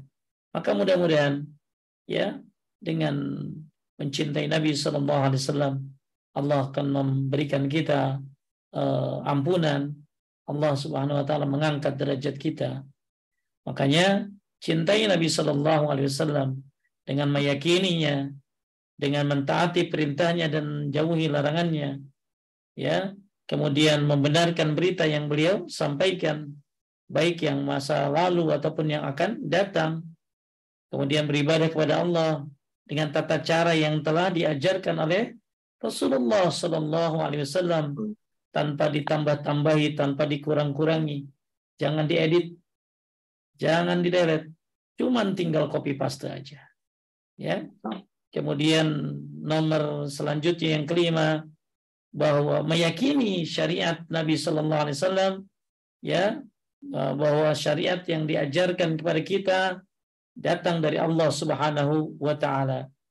Kemudian juga masih banyak sekali keutamaan-keutamaannya dan di antaranya adalah Anda bersama dengan beliau insya Allah. Maka la yu'minu ahadukum hatta akuna ahabba ilaihi min waradihi wa walidihi wan nasi ajmain. Tidak sempurna iman di antara kami hingga aku lebih dicintai daripada anaknya, orang tua dan manusia seluruhnya. Oke, baca salawat itu banyak waktunya kamu. Bukan hanya hari Jumat, masuk masjid, keluar masjid, baca salawat. Ya, sampai apalagi itu Kang, baca salawat itu sampai doa juga disuruh baca salawat. Ya, lagi habis baca doa azan juga baca salawat banyak. Dan Allah Subhanahu wa taala ya berfirman warfa'na laka dzikrak dan telah ditinggikan sebutan nama Nabi Muhammad wasallam. Maksudnya apa? Nabi Muhammad wasallam ditinggikan, dimuliakan oleh Allah dalam syahadat, ya, dalam azan. Ya nggak ada orang yang azan tanpa menyebutkan nama Muhammadur Rasulullah. Makanya siapa pun yang merendahkan Nabi Muhammad nggak akan rendah. Gak akan rendah Nabi Muhammad karena yang naikin Allah. Siapa pun yang menghina Nabi Muhammad SAW gak akan pernah Nabi Muhammad itu hina. Gak akan pernah Nabi Muhammad itu jatuh. Gak akan berkurang followersnya. Emang kita salah dikit langsung berkurang 10 ribu. Ya, mending ada 10 ribu cuman 100 itu kayak keluarga semuanya. Ya. Jadi ketika Nabi SAW dihina oleh orang-orang kafir, nggak akan jatuh, nggak akan jatuh. Emang yang bakar Quran itu menyebabkan Anda nggak baca Quran? Enggak. Malah ada satu negara yang ngancam Qatar kalau nggak salah. Bakar satu Quran, kami terbitkan berapa juta Quran. Kami sebarkan berjuta-juta Quran. Ya, karena Al-Quran sudah dimuliakan oleh Allah, nggak akan ada yang bisa merendahkannya. Begitu juga Nabi Muhammad SAW. Nah Fir'aun, Abu Jahal, Abu Lahab, itu sudah direndahkan oleh Allah Subhanahu wa taala. Maka tidak akan pernah ada yang bisa mengangkatnya. Gak ada. Ya, Fir'aun dipuji-puji. Gak ada. Oh, Abu Jahal dipuji-puji. Gak ada. Dan orang yang muji Abu Jahal gak akan naik derajatnya. Warfa'na laka zikrak. Taib. Bapak Ibu sekalian ya kan Allah, Eh, kita lihat faedah daripada hadis tadi. Lanjut yang satu. Uh, faedah yang pertama, wajib mencintai Rasulullah Shallallahu Alaihi Wasallam dan mendahulukannya atas kecintaan kepada semua makhluk. Kemudian amal termasuk dari iman, karena cinta ialah amalan hati, dan dalam hadis ini dinafikan keimanan dari orang yang tidak lebih mencintai Nabi Shallallahu Alaihi Wasallam dari semua manusia. Yang ketiga, penafian atau peniadaan keimanan dalam hadis ini tidak menunjukkan bahwa orang yang dinafikan keimanan darinya keluar dari agama Islam atau murtad. Yang keempat, keimanan yang benar pasti akan tampak tandanya pada pemiliknya. Yang kelima, wajib atas muslim insan untuk men, wajib atas muslim insan untuk menolong sunnah Nabi Shallallahu Alaihi Wasallam dan mengerahkan segenap kemampuan dan hartanya karena hal ini termasuk kesempurnaan cinta kepada Rasulullah Shallallahu Alaihi Wasallam. Nah ini ya penting nih wajib atas Muslim insan untuk menolong sunnah Nabi Sallallahu Alaihi Wasallam. Ya dengan cara mengajarkannya, menyebarkannya. Bahkan kata Ibnu Qayyim, wa tabligu sunnati ilal umma afdal min tablighi siham ila nuhuril adu. Ya, menyebarkan sunnah itu lebih baik daripada melemparkan panah-panah ke leher-leher musuh ya maka sebarkanlah sunnah Nabi yang anda tahu. Masya Allah, sekarang sudah banyak sunnah Nabi yang tersebar. Maka mudah-mudahan anda bagiannya. Share-share dari kajian-kajian ustadz-ustadz sunnah. Ya, anda tinggal copy paste doang susah amat. Siapa tahu ada orang yang dapat hidayah. ya dengan uh, postingan atau share-share yang Anda share tentang Quran dan Sunnah Nabi. Maka ya ayo sebarkan Sunnah Nabi sesuai dengan kemampuan kita, dengan apa harta, ya, dengan apa yang bisa Anda bisa, ya, dengan mungkin uh, dengan membagikan dengan ya tadi lewat WA dengan share-share ya. Lanjut yang keenam. Yang keenam, wajibnya mendahulukan sabda Rasulullah Shallallahu Alaihi Wasallam atas seluruh perkataan manusia, karena lebih cinta kepada beliau Shallallahu Alaihi Wasallam daripada semua orang. Maka ini mengharuskan lebih mendahulukan perkataan dan perbuatan beliau Shallallahu Alaihi Wasallam daripada perkataan dan perbuatan seluruh manusia. Jangan sampai ya orang Abu Bakar aja nggak boleh nggak bisa ngalahin Rasulullah perkataannya. Umar juga nggak bisa ngalahin perkataan Rasulullah. Padahal Abu Bakar Umar udah jamin surga. Padahal Abu Bakar Umar adalah mertua, sahabat. Tapi kata-katanya nggak bisa ngalahin Rasulullah SAW. Nah, lu siapa? Nenek lu ngalahin kata-kata Rasul. Ya, dia bukan orang yang diampuni dosanya. Ya, maka siapa pun ya menda lebih mendahulukan perkataan Nabi daripada perkataan selainnya. Taib Bapak Ibu sekalian dimuliakan Allah Subhanahu wa taala uh, inilah uh, berarti total-total tiga ayat ya Kang ya, tiga dalil ya. Nah, ini ada lagi nih ya. Dalil yang selanjutnya. Perhatian sekarang. Barang siapa mengaku cinta Rasul wasallam tapi dia tidak itiba pada beliau sallallahu tidak mendahulukan perkataan beliau sallallahu atas perkataan selainnya, tidak menolong sunnah beliau sallallahu alaihi tidak membela syariat beliau dan menumpas orang-orang yang menyelisihinya, tidak mau melakukan amar ma'ruf nahi munkar, orang yang tidak mau melakukan hal di atas maka pengakuan dia bahwa dia cinta kepada Rasulullah SAW adalah pengakuan yang dusta. Sebagaimana firman Allah Subhanahu wa taala. Ya, boleh kan artinya? Dan dan mereka Eh, orang-orang munafik berkata, kami telah beriman kepada Allah dan Rasul, eh, dan kami mena menaati keduanya. Kemudian sebagian dari mereka berpaling setelah itu. Mereka itu bukanlah orang-orang yang beriman. Dan apabila mereka diajak kepada Allah dan Rasulnya, agar, agar Rasul memutuskan perkara di antara mereka, tiba-tiba sebagian dari mereka menolak untuk datang. Nah, loh, ini orang-orang munafik nih. Ya, dia orang munafik itu ngomong kami telah beriman kepada Allah dan Rasulnya dan mentaatinya. Tapi ya mereka berpaling setelah itu. Inilah di sini disebutkan apa? Ya uh, mereka apa? Wa ma ulaika bil mu'minin. Mereka itu bukanlah orang yang beriman. Jadi orang yang beriman itu tidak berpaling. Nah, maka yuk itiba kepada Rasul, dahulukan perkataan beliau, tolong sunnah beliau, bela syariat beliau dengan cara amar ma'ruf nahi munkar. Kemudian dan apabila mereka diajak kepada Allah dan Rasulnya untuk memutuskan perkara dan mereka tiba-tiba apa? Ya, mereka mu'ridun, mereka menolak. Dalam ayat ini Allah menafikan keimanan orang yang berpaling dari ketaatan kepada Rasulullah Sallallahu Alaihi Wasallam. Masih banyak kan? Masih banyak ya. Ada pertanyaan? Dua lagi, tiga lagi. Sudah ada beberapa masuk Ustaz pertanyaan. Ayo. Bismillahirrahmanirrahim. Baik, um, Insyaallah khairan Ustaz atas ilmunya. Insya Allah kita akan masuk ke sesi tanya jawab. Jika ada pertanyaan, jika yang ingin bertanya langsung silakan raise hand.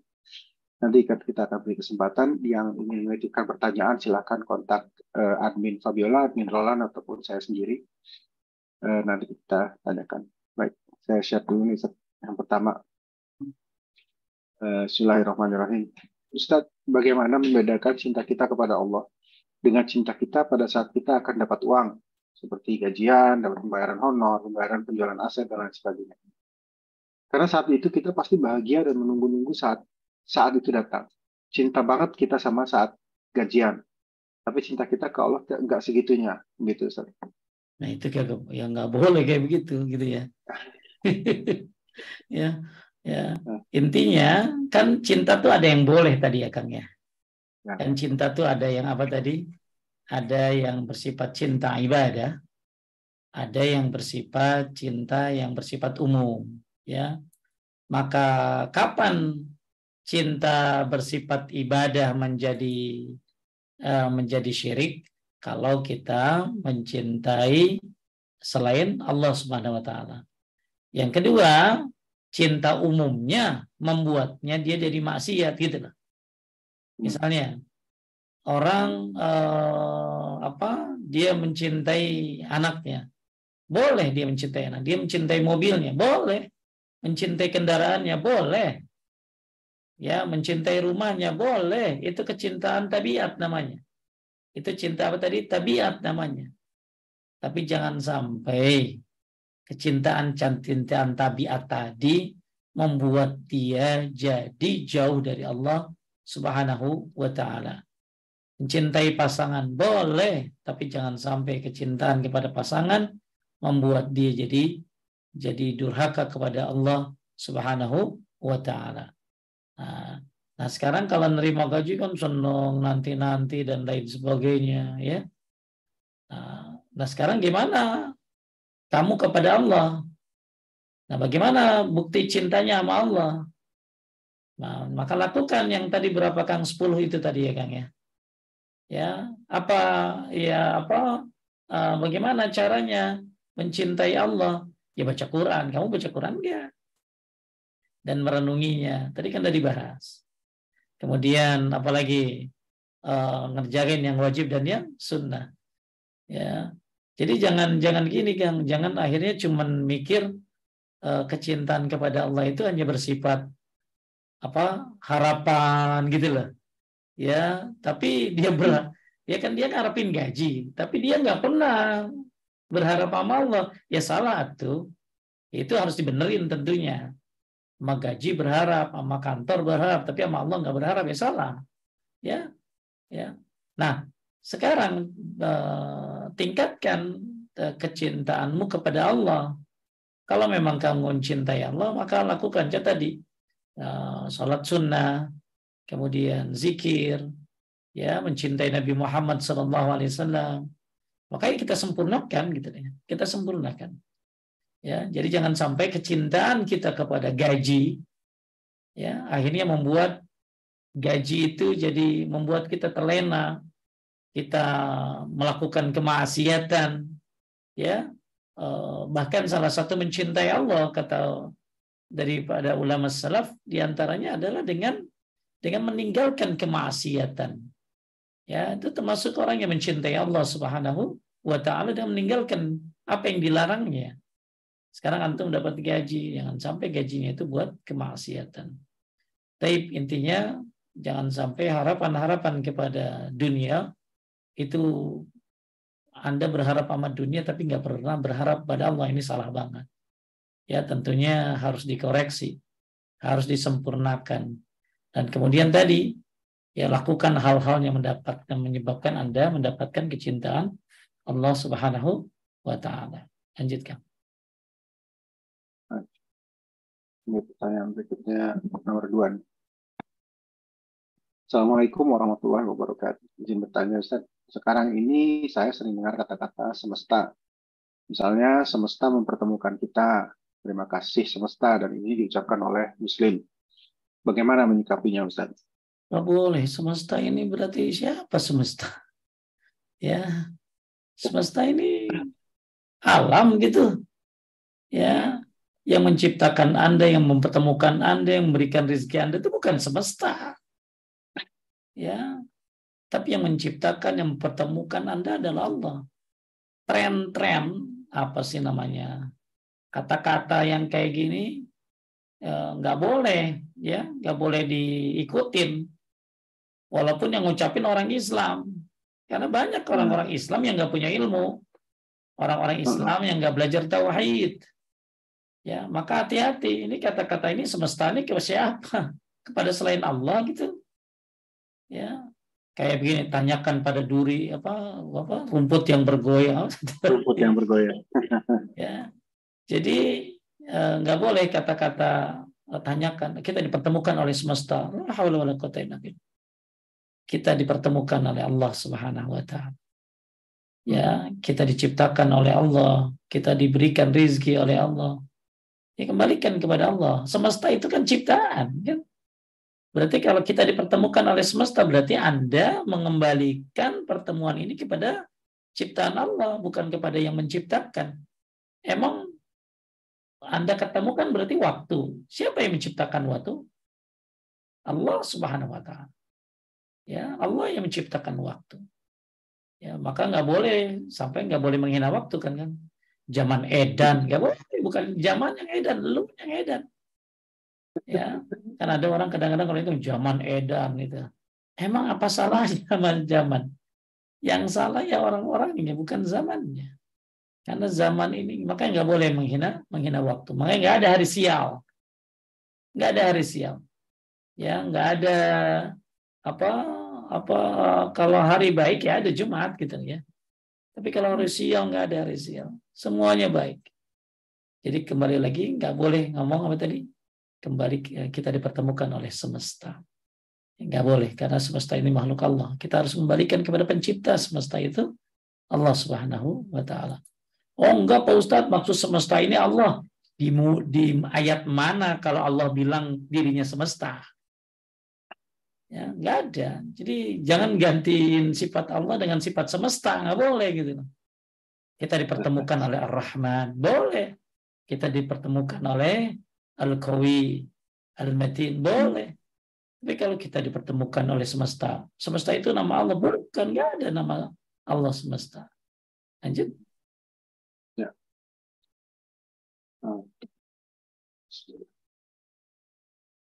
Eh, Bismillah, mohon bertanya Ustaz. Uh, jika kita masih mempunyai orang tua yang di atas usia 90 tahun, masih di bawah pengasuhan anak, kemudian kita konsentrasi kepada orang tua, kita tidak bisa sholat berjamaah dan tidak bisa mendatangi kajian offline. Mohon pencerahannya Ustaz, bagaimana? Ini laki-laki. Uh, kurang tahu nih sudah. Ibu-ibu Jadi kewajiban sholat berjamaah itu wajib Eh, bagi laki-laki. Tapi dibolehkan tidak sholat berjamaah kalau ada uzur. Cuman uzur ini kan nggak nggak sering kan ya. ya. Gua ada uzur nih tadi sakit perut. Nah, memang setiap hari lu sakit perut. Uh, gua ada uzur nih, ya kenapa? Nggak sholat berjamaah tadi kenapa? Lapar, maka makan dulu. Nah, tiap hari lapar. Nah sekarang Anda mengurus orang tua ini luar biasa, masya Allah ya surga buat Anda, ampunan Allah. Allah mudah-mudahan Allah menghapuskan dosa-dosa besar Anda.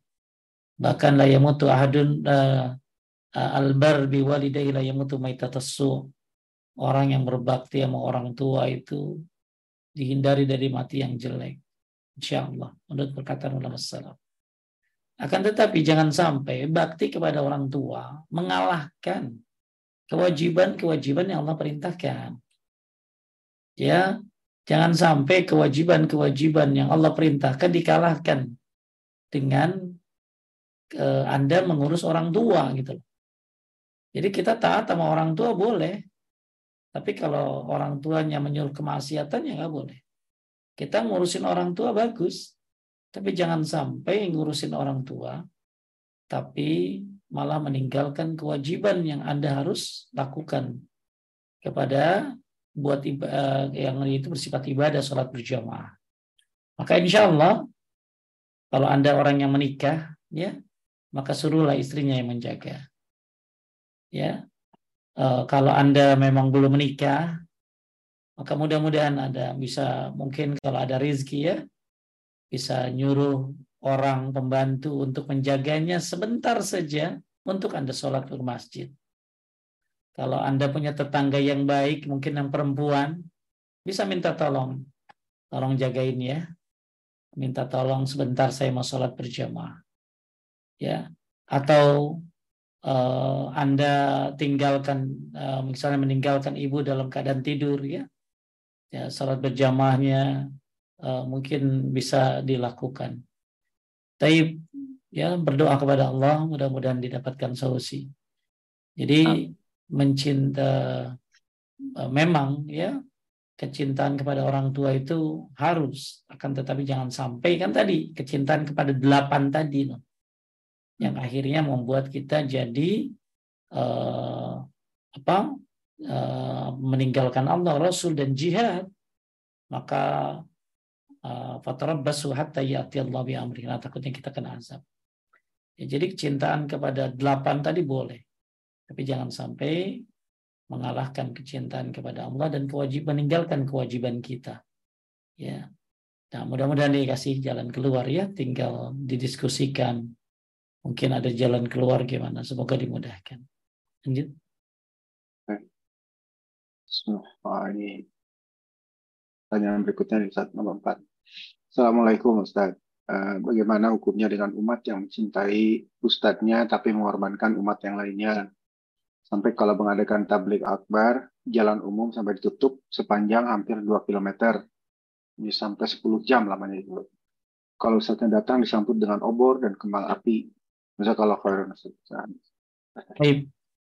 Ya tidak boleh seseorang sampai-sampai melakukan sholat aid saja kan nggak boleh sampai mengganggu ya. jalan. Ya, makanya dia harus minta izin dulu ya kepada warga. Uh, makanya kan cari ya lapangan kan, cari lapangan. Jadi sebenarnya lapangan kan, bukan jalanan. Nah sekarang dia sholat id, terus di jalanan orang pada macet ya. orang gak bisa keluar, ya nggak boleh lah. Ya, dan disuruh di lapangan. Sekarang lapangan ada enggak gitu loh. Oh ada, alhamdulillah enggak ada. Ya, oh bisa minta izin cari apa, cari apa. Kalau enggak ada ke masjid. Jadi sunnahnya memang di lapangan. Tapi ketika tidak ada lapangan, akhirnya ada jalan-jalan, akhirnya mengganggu orang-orang ya, yang mau melintas, yang mungkin ya apalagi nggak ada jalan alternatif kan, Nah ini kan mengganggu nggak boleh. Nah sekarang ada Ustadz datang, dia tablik akbar sampai 10 km dan lain sebagainya. Nah, ini kan ganggu orang. Ya, kenapa seperti itu sampai seperti itu ya? Nah, jangan sampai eh, kajian-kajian uh, tuh mengganggu orang, benar. Contoh misalnya ya, ibu-ibu yang ngadain pengajian di rumah-rumah, hati-hati parkirnya. Ya parkir rumah orang di langsung ditaruh mobil di depan pagernya.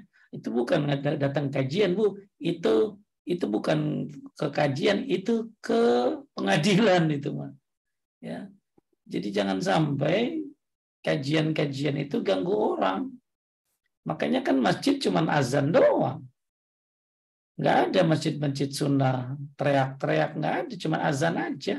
Sampai komat pun nggak nggak pakai speaker. Ada yang pakai speaker, ada yang enggak. Cuman itu doang kok.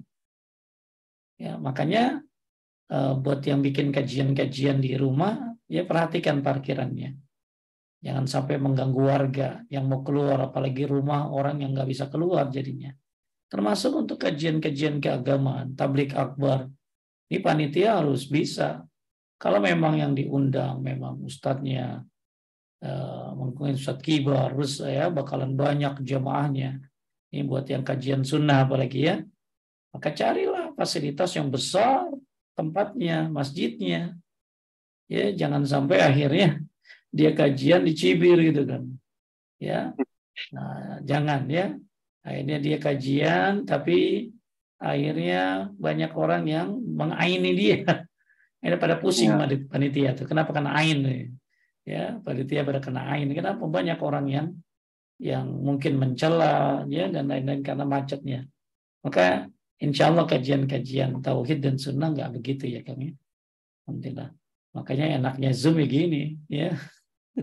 Kagak pakai kagak pakai berangkat berangkat ya. Akhirnya. bikin macet orang enggak ya. Cuman ngantuk aja kajian tauhid masih ngantuk tuh ya, godaan. Bingung saya juga kajian tauhid ini memang begini-begini aja kan gitu ya. Mau diapain nih kajian tauhid? Ya, ya memang ya begini gitu kajiannya. Uh, apa? Ya yang penting gimana anda seriusnya gitu. Kalau serius, insya Allah serius. Ya, moga-moga mudah dalam apa, jalankan kaki ke pengajian. Baik nih ini di luar topik nih. Izin bertanya, Bismillah. uh, ada orang yang bersumpah dengan menyebut demi Allah demi Rasulullah. Ini salah ketik nih. Demi demi Allah demi Rasulullah. Apakah ini benar atau diper, uh, diperbolehkan atau tidak Ustaz seperti ini? Baik. Uh, bagaimana hukum sumpah demi Rasulullah? Ya. Bismillahirrahmanirrahim Bapak Ibu sekalian Allah. Ya. Ada sebuah riwayat dari dari apa dari sahabat ketika Ibnu Umar mendengar orang yang bersumpah mengatakan tidak demi Ka'bah maka Ibnu Umar langsung berkata kepada orang tersebut aku mendengar Rasulullah SAW bersabda ya man khalafa bi ghairillah faqad asyrak siapa yang bersumpah dengan nama selain Allah maka dia telah melakukan kesyirikan. Ya nah ini ini apa berjumpa bersumpah dengan menyebut nama selain Allah. Nah, bagaimana dengan bersumpah dengan menyebut nama siapa tadi? Ya, bersumpah dengan menyebut eh, kenapa nggak boleh bersumpah dengan menyebut nama selain Allah? Ini dianggap sebagai lancang kepada Allah. Makanya mayoritas ulama seperti Imam Malik, Imam Syafi'i, Imam Abu Hanifah, dan Imam Ahmad ya, beliau menyatakan bahwa tidak boleh bersumpah dengan menyebut nabi dan sumpahnya tidak sah. Demi Nabi, demi Rasulullah, maka tidak sah sumpahnya. Sebagaimana juga kata beliau, ya uh, tidak boleh bersumpah dengan menyebut salah satu makhluk. Bahkan tidak tapi tapi tidak wajib kafarah untuk sumpah dengan menyebut selain nama Allah jika sumpah itu dilanggar. Jadi intinya mayoritas ulama kata Syaikhul Islam Ibnu Taimiyah berdasarkan tadi sabda Nabi Shallallahu Alaihi Wasallam ya tentang man khalafa bi faqad asyrak. Siapa yang bersumpah atas nama selain Allah maka dia telah melakukan kesyirikan ya. Maka kata Ibnu Taimiyah mayoritas ulama seperti Malik, Imam Malik, Imam Syafi'i, Imam Abu Hanifah, Imam Muhammad dalam salah satu pendapat beliau mengatakan bahwa tidak boleh bersumpah dengan menyebut nama Nabi dan sumpahnya tidak sah. Ya, sumpahnya tidak tidak sah. Nah, jadi nggak boleh intinya ya bersumpah atas nama demi Allah demi Rasulullah Shallallahu Alaihi Wasallam nggak boleh. Ya, lanjutkan. Uh, Assalamualaikum warahmatullahi wabarakatuh. Ustaz.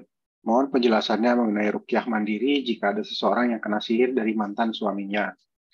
Bagaimana supaya yang bersangkutan tidak kena sihir? Apakah sebaiknya membaca Al-Quran sendiri atau memanggil ustadz untuk rukyah syari di rumahnya agar tidak terkena sihir dari mantan suaminya? Sebentar, Syukuran. mohon penjelasan mengenai rukyah mandiri jika ada seorang yang kena sihir dari mantan suaminya. Tahu dari mana? Hmm. Mantan suaminya yang nyihir. Nah, ini satu. Ya, ya. berarti jangan sampai dia seuzon ya itu. Kemudian oke okay, sekarang dia bilang gak usah mantan lah ya. Tapi mungkin followers atau mungkin dia kena sihir lah. Bagaimana supaya yang bersangkutan tidak kena sihir ya? Jadi memang ada hal-hal yang bisa kita lakukan ketika sebelum kena sihir ya atau sesudah kena sihir. Nah ini berbeda ya. Jadi ketika uh, seseorang uh, apa merukyah mandiri itu bagus ya. Sebelum kita bahas masalah yang lain, rukyah mandiri itu bagus. Rukyah mandiri itu ya baca apa kang pikir pagi sore ya. Tapi kalau mau tambahkan rukyah mandiri yang bagus banget itu adalah baca Al-Baqarah Fa inna syaitan tafiru minal suratul Baqarah. Jadi baca surat Al-Baqarah, syaitan itu tidak akan masuk ke rumah yang baca surat Al-Baqarah. Nah, sebaiknya baca Quran sendiri atau manggil Ustadz. Nah, kalau Anda bisa, ya sendiri aja. Rukyah mandiri. Jikir pagi sore. ya Dan uh, kemudian baca Al-Baqarah. ya Kemudian kalau Anda memang nggak kuat, nggak bisa, maka Anda boleh memanggil orang untuk merukyah, tapi rukyah yang syar'i. Walaupun ada perbedaan pendapat tentang bolehnya minta dirukyah.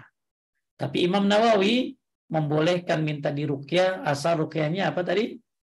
Syar'i. Ya, rukyah syar syar'i. Nah, sekarang bagaimana pencegahan sihir yang diajarkan Rasulullah SAW? Ini yang penting bekam. Setiap dalam keadaan dalam keadaan bertauhid. Jadi dia setiap keadaannya dalam keadaan bertauhid kepada Allah, bertawakal, ya. Nah ini penting nih uh, belajar tauhid. Jadi kita ini kan kalau lagi belajar tauhid begini sebenarnya lagi ya kan. Saya ada jamaah kalau lagi belajar tauhid gesek-gesek panas gitu ya. Saya kalau kajian tauhid panas Pak Ustadz ya. Wah, karena memang ternyata ibu itu banyak susuk di tubuhnya, banyak susuknya. Maka kalau ada ya kalau ada bapak ibu yang biasa gresek-gresek gitu ya mungkin mungkin lagi kajian tauhid mungkin ada mungkin keruk ya kali. Karena kajian tauhid itu bagus banget ya. Kajian uh, ilmu tauhid ini adalah salah satu hal yang masya Allah ya bukan hanya menambah ilmu tapi merukyah insya Allah ya jadi nomor satu itu ya buat yang bertanya gimana supaya tercegah dari sihir ya senantiasa mentauhidkan Allah. Kemudian jalankan perintahnya, jauhi larangannya. Ya, karena ifazillah ya fazka jaga Allah maka Allah akan menjagamu. Jadi nggak bisa kang dia rukyah hari ini besok dia mabok. Ih, ya dia ngerukyah hari ini terus besok dia nggak pakai hijab. Ya jadi dia jalankan perintah Allah. Jadi rukyah ini bukan cuma main-main, tes-tesan doang. Yang susah tuh maintenance setelah dirukyah. Ya, apalagi dirukyah kabur setannya. Lah besok balik lagi dong. Kenapa? Karena dia menjalankan larangan Allah. Ya, itu yang kedua tuh. Kemudian juga bersihkan rumah-rumah dari salib, ya, anjing, patung-patung, ya, dan lain-lain pokoknya apalagi apa lukisan-lukisan makhluk yang bernyawa, ya, Kemudian banyak baca Quran, ya, banyak baca Quran, banyak zikir. Apalagi baca apa tadi? Al-Baqarah, ya. Kemudian juga kalau keluar rumah jangan lupa baca bismillahirrahmanirrahim. Kemudian baca ayat kursi ya setiap pagi sore. Maka ia akan jaga dari gangguan jin sampai hingga sore hari dan barang siap baca sore dihilangkan dari gangguannya sampai pagi. Kemudian baru kang terakhir makan tujuh butir kurma ajwa setiap pagi. Ya, ini supaya nggak kena kan, supaya nggak kena. Nah, tapi lain lagi setelah kena gitu. ya, hmm. kalau tadi sebelum kena, kalau sebelum kena itu terapinya, selalu bertauhid, jalankan perintah Allah, jauhi hmm. larangannya, makan korma, kemudian apalagi tadi uh, memperbanyak baca Quran, menjadikannya sebagai zikir harian, zikir pagi sore, bersihkan rumah dari hal-hal yang nggak boleh, ya tidak membiarkan anak-anak berkeliaran saat terbenam matahari. Nah, bagaimana kalau udah kena? Nah, kalau udah kena, ya itu tadi baca ayat-ayat rukyah.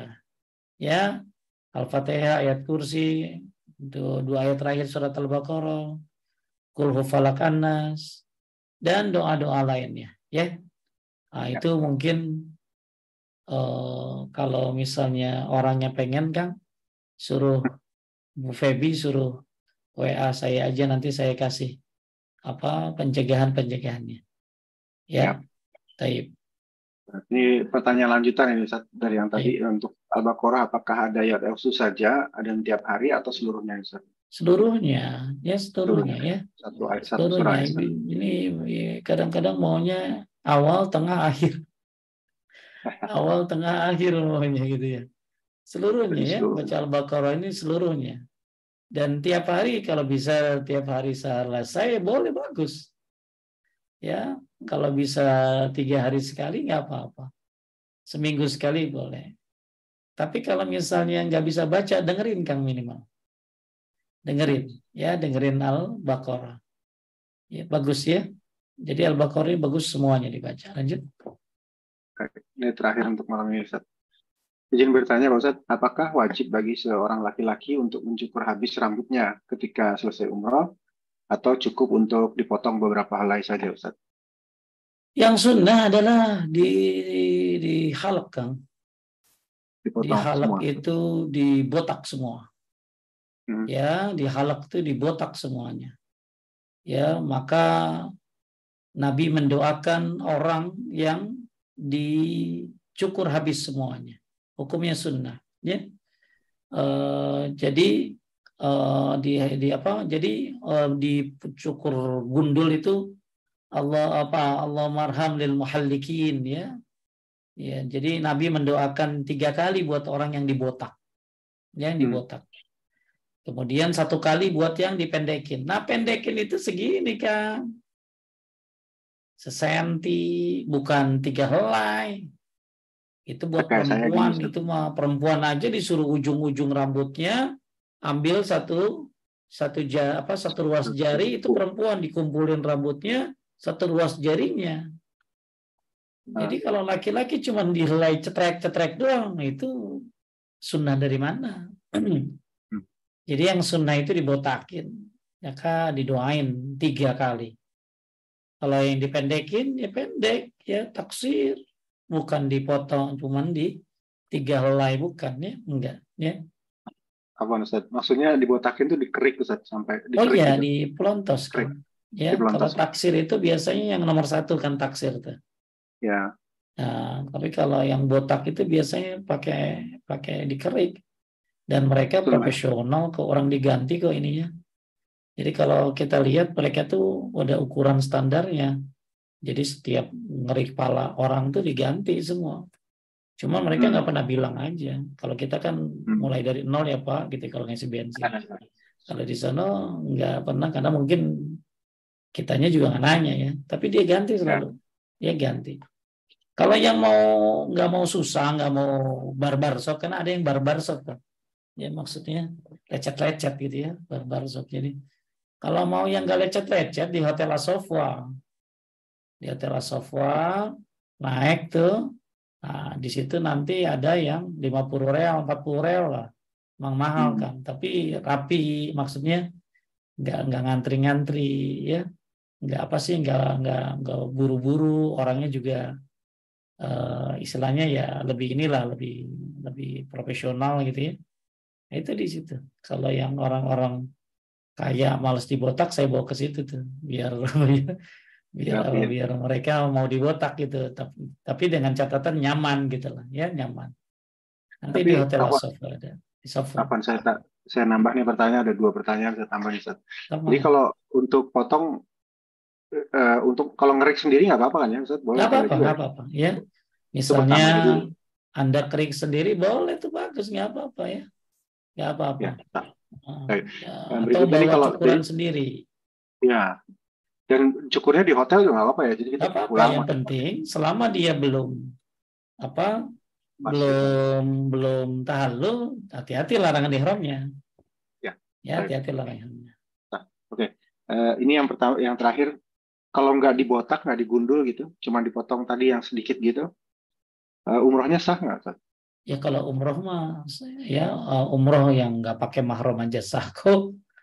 Oh, tapi gitu. dia berdosa kalau yang umroh nggak pakai mahram ya Oh. jadi kalau apa menurut uh, Ibnu Taimiyah ya jadi kalau gini kalau diambil dari hukum ya hukum gundul itu ada empat macam kan hukum Hmm. gundul tuh ya Ya. sama gundul habis ya ini termasuk yang diperintahkan ya itu pakai dalilnya tuh surat Al-Fat ayat 27 Al-Fat ayat 27 ya Coba kalau ada akang ayatnya. Ya. Jadi gundul habis ketika haji atau umroh ini termasuk perintah Allah yang didukung oleh Al-Quran, hadis, dan ijma, kesepakatan ulama.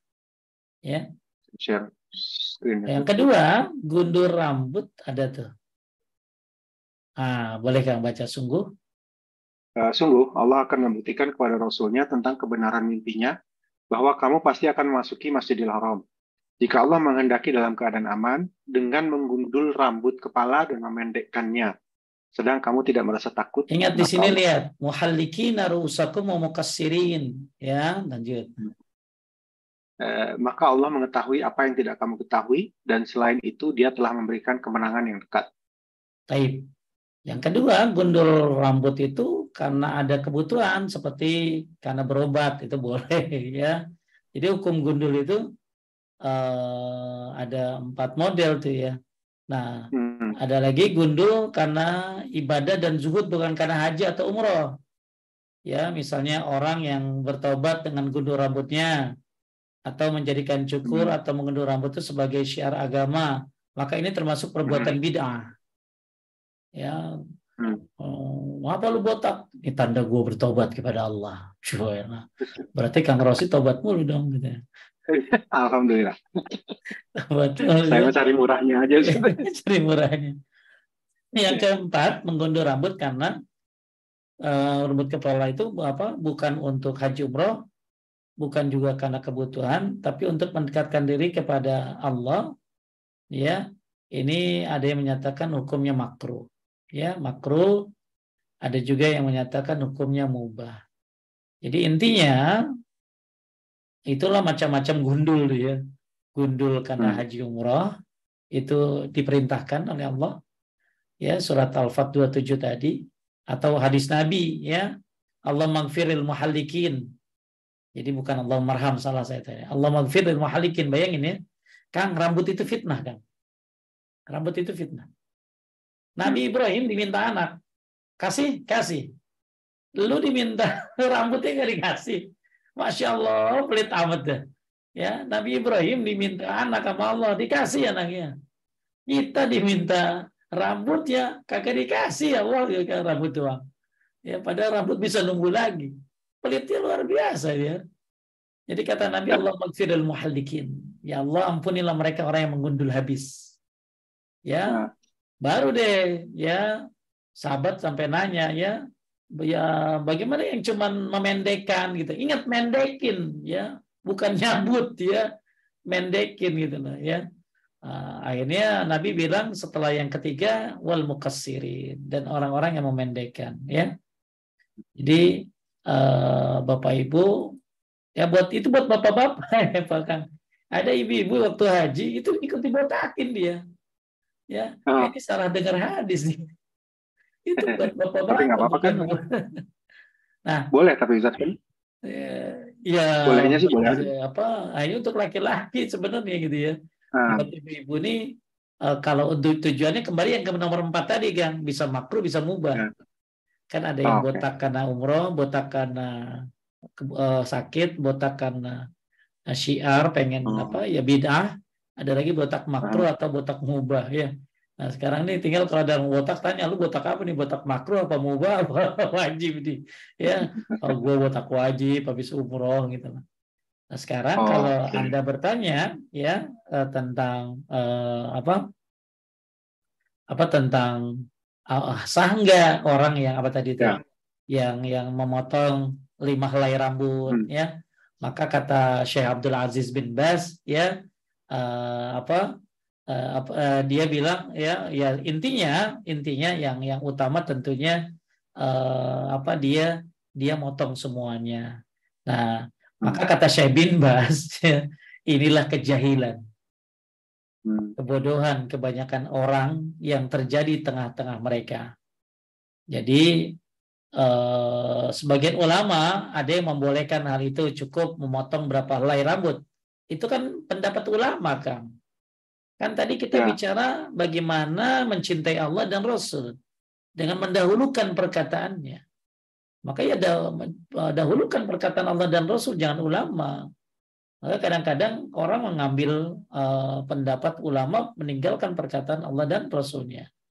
Jadi uh, apa uh, uh, intinya ya uh, kalaupun dia cukup dengan apa tadi dengan beberapa helai ya maka ini uh, termasuk sah ya sah uh, sah akan tetapi tentunya ini kebodohan ya ini kebo kebodohan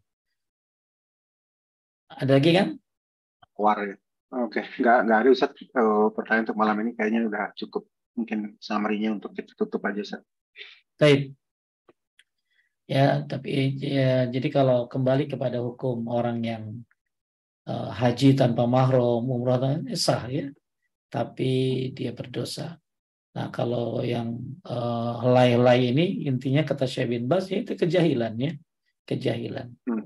Jadi memendekkan membuat yang mau umroh haji ya, uh, apa mudah-mudahan ngambil yang terbaik ya, ngambil yang terbaik yaitu dibotakin semuanya. Semoga malam ini Allah Subhanahu wa taala memudahkan kita untuk bisa tambah mencintainya ya dan mencintai Allah, mencintai Rasulullah SAW, mencintai ada yang bersifat ibadah, ada yang bersifat umum. Maka mudah-mudahan kita bisa menaruh porsinya masing-masing dan jangan sampai kecintaan-kecintaan tadi kepada yang umum akhirnya meninggalkan yang khusus yaitu Allah Subhanahu wa taala. Mudah-mudahan makin baik bagus aplikasi kita dalam mendapatkan kecintaannya dengan baca Qurannya dan lain-lain yang sudah dibahas tadi. Makasih buat Rumah Dakwah UK, Kang Rashid, dan semua tim, Ibu Feby, Ibu Popi, dan Kang Roland semuanya, atau ibu-ibu yang semua ada di belakang layar dari kajian Rumah Dakwah UK ini.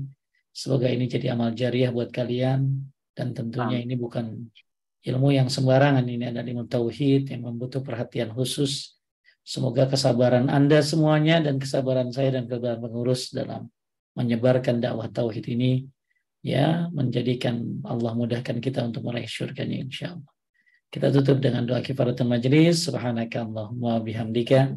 Asyhadu an la ilaha illa anta astaghfiruka wa atubu ilaik. Assalamualaikum warahmatullahi wabarakatuh. Waalaikumsalam warahmatullahi wabarakatuh. Jazakallah khairan Ustaz atas waktu dan ilmunya. Insya Allah kita bertemu kembali di dua minggu lagi ya insya Allah. Baik dari kami, dari Rumah Dakwah UK, kami mohon maaf jika ada kesalahan baik dalam sikap maupun perkataan. Uh, insya Allah kita bertemu kembali di kajian berikutnya. Barakallahu fikum. Bila taufiq wa.